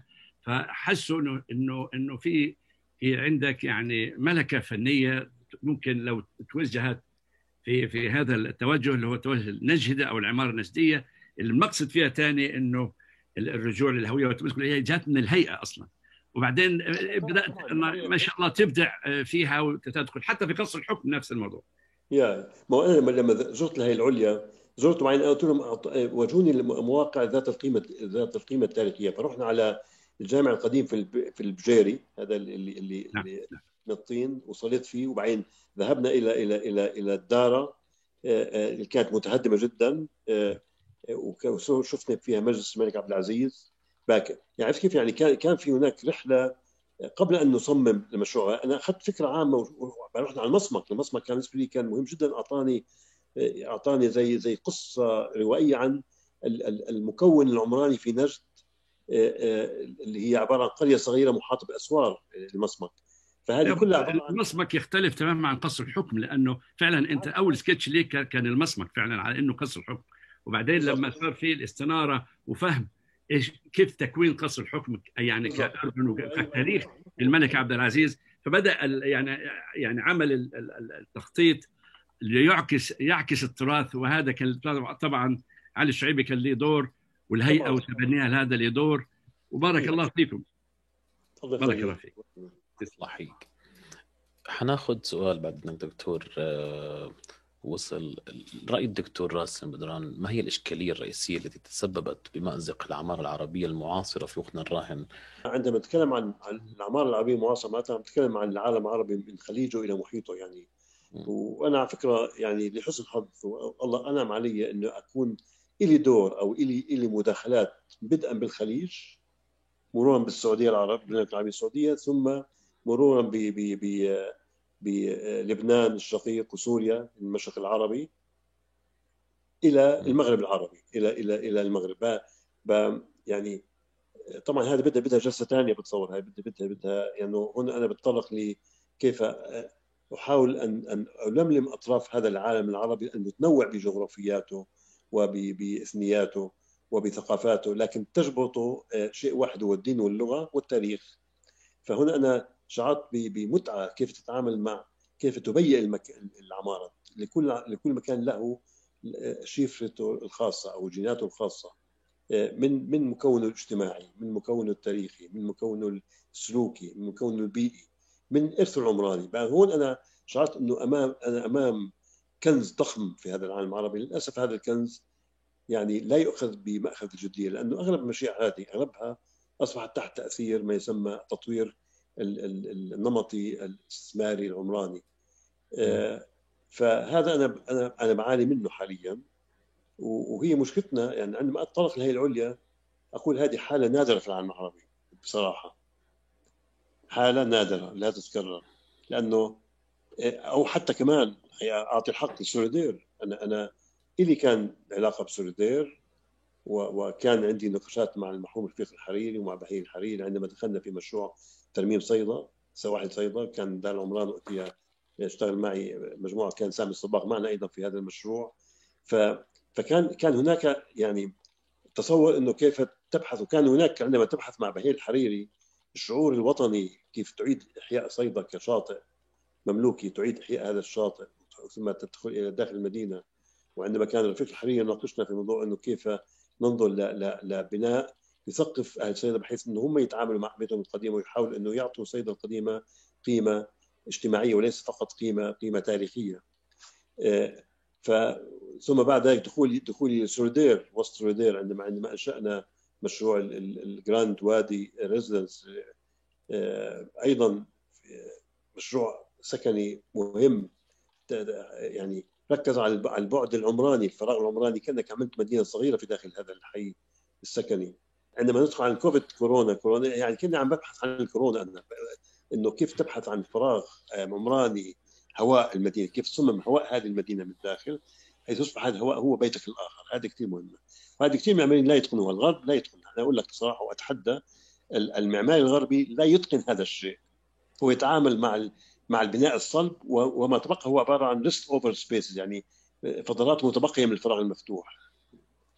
وذلك بقول لك نعمل placemaking يعني تعمل إنه برنامج حتى يصبح هذا موجود وليس place forming الكل بيحكي عن placemaking not place forming ما ما ما ما عندهم نية إنه يشكلوا هذا الفراغ. هذا طبعا عبارة عن أيضا جهد آخر كأنك عم تصمم بيت كامل.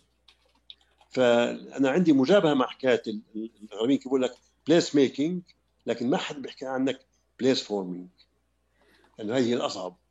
هي النسيج. هو هذا هو هذا اللي بسموها الجينات الداخلية جوا المدينة. الفراغ المفتوح اللي فيه عندما تذهب إلى صيدا أو تذهب إلى إلى إلى شو اسمه؟ إلى إلى في المغرب المدينة المهم فاس. فاس. انظر إلى فاس. يا سلام يا سلام. يعني تقطع 8 كيلومترات فيها وأنت مش حاسس فيها. قد ما فيها فراغات وانتقالات و... و... وانتفاخات في الفراغ العمراني. وانواع الروائح أنواع الظلال تستمتع تستمتع أصبح هذا بيتك الفعلي أو تونس حتى القصبات. أين نحن في في في في عمران هذه المنطقة في في الخليج العربي؟ لا يوجد هالشيء عبارة عن عن مساحات ممرات طويلة ناطحات سحاب ضخمة وبعدين بعدين كأنك في في مونتريال أو كأنك في نيويورك أو كأنك في هونغ كونغ. هونغ كونغ أصلا عملت عمودية لأنها كانت ضيقة. يعني يا جماعة افهموا انت انت هذه أراضي كانت ضيقة جدا سنغافورة ما عندها توسع مساحي. تعاملوا مع مع ال vertical building بس هذه هي. لكن روح على برلين روح على ميونخ روح على شتوتغارت اللي هي روح على مدن اللي هي تعتبر هي من أهم مدن صناعة في العالم. ما فيها ناطحات سحاب. ما بعرفش طيب. إذا صار وصلت يعني يعني يعني يهتموا بالبيئة أنت تعطي مدينة فيها سلام تحس إنه إنه المدينة أصبحت جزء من حياتك اليومية هو هو صالونك. أنا ما بقدر أعتبر إن المدن الأنشأت الحديثة في في العالم العربي اللي اعتمدت البناء العالي انه هو صالونك. بالعكس آه، ممرات مشاة ناس ماشيين وكذا ومش عارف بيع وش ما عندك هدوء ما بتحس حالك إن أنت هذا بيتك الثاني. أين بيتي الآخر؟ غير بيتي المسكون غير موجود. أنا هذا الذي أبحث عنه. وهذا هو يعطي يعطيك هذه الالفه الاجتماعيه ويعطيك الوحدة الاجتماعية بين بين أفراد الناس اللي يعيشوا بهذا الحي. هنا نستعيد نحن قيمة التراث من خلال من خلال المفهوم الاجتماعي وليس المفهوم التعبيري. في دكتور هنا نقطة على موضوع البيوت أو الدور أو العماء خلينا نحكي الثقافة المعمارية المكانية أو سواء المبنية أو الغير مبنية. آه، طرقت عليها أنت فعليا بهذه النقاط. بس كيف كيف دو... خلينا نحكي دور الدور زي ما أنت بتسميها أو البيوت أو الدور كان لها دور في تشكيل الهوية عندك؟ الدور في دور عمان هي فقط دور عمان حتى الدار خليني أحكي لك الدكتور محمد آل الشيخ في الدرعيه يعني هذه كمان آه، نقطة مهمة إنه الدكتور محمد آل الشيخ عملت له آه، صممت له بيته وبيت أولاده. فأصبحت كأنها قرية صغيرة فيها فيها أزقة صغيرة فيها انتقالات. آه، حتى حتى في داخل بيته الممر الداخلي هو عبارة عن زنقة عبارة عن سكة. كان يقول لي أنا أستمتع بان أجلس في الممر طب أعطيني أنت أي بيت في السعودية؟ هل تستمتع أن تجلس في ممر بيتك؟ سؤال هيك كيف؟ كان يعني كان بيقول لي راسم أنت خليتني أستمتع في ان اني إني أجلس في الممر تبعي واستمتع فيه. كأنك كان عبارة عن سكة كان عبارة عن عن عن عن عن زقاق صغير تدخل منه الضوء تشوف إنه الضوء الدور العلوي كأنك عم تعمل حوار مع نفسك. في هذا الممر هو عبارة عن ممر في البيوت العادية عبارة عن أو حتى القصور الضخمة عبارة عن ممر مغلق قاتم ممل مخيف كيف؟ هذه الحي... هذه كيف تعطي لهالبيت عناصر الحياة فيه. البيت هو عبارة عن مدينة صغيرة أيضا. حتى البيت العربي القديم الدور القديمة كانت عبارة عن دور فيها عدة أفنية عدة أحواش وانتقالات. هي عبارة عن micro city. طب لماذا لا نصنع المدينة تكون هي ال macro city هي ال macro بيت هو البيت الكبير؟ في دكتور حارث السعدي عنده اعتقد مداخله عن هذا الموضوع. نسمح له. السلام عليكم. وعليكم السلام. وعليكم السلام. تحياتنا القلبية من بغداد شارع عماره الدكتور راسم بدران دكتور حافظ عبد الرزاق من بغداد. آه، سؤالنا دكتور آه، حول أهمية البعد الخامس المتمثل بلا شعور وتلقائية الخيال البعيد عن الوجود وانتقاله من افتراض قدرية التصميم إلى واقع عملي. يعني نتعايش وياه يعني حضرتك بالطرح السابق آه، كان تفاعلك عاطفي مع العمارة أكثر ما هو تكنولوجيا أو أشياء مادية بصورة خاصة. فيعني أكو لينك أو جاب بين الشاعرية والعواطف وبين الاستراتيجيات والتقنيات الحديثة. يعني إحنا كمصممين أنا طبعا مصمم داخلي آه، مو معماري. آه، شنو الوسيلة اللي أنا أنقل شاعريتي؟ التشكيل ممكن ينقل شاعريته بلوحة فنية بتمثال ولكن إحنا كمصممين نتعامل بالوظيفة آه، بصورة كبيرة. فحبيت أعرف رأيكم. أنا لا أتعامل ببعد عاطفي أنا بتعامل بعد بعد بيئي يعني إنساني اجتماعي مش عاطفي.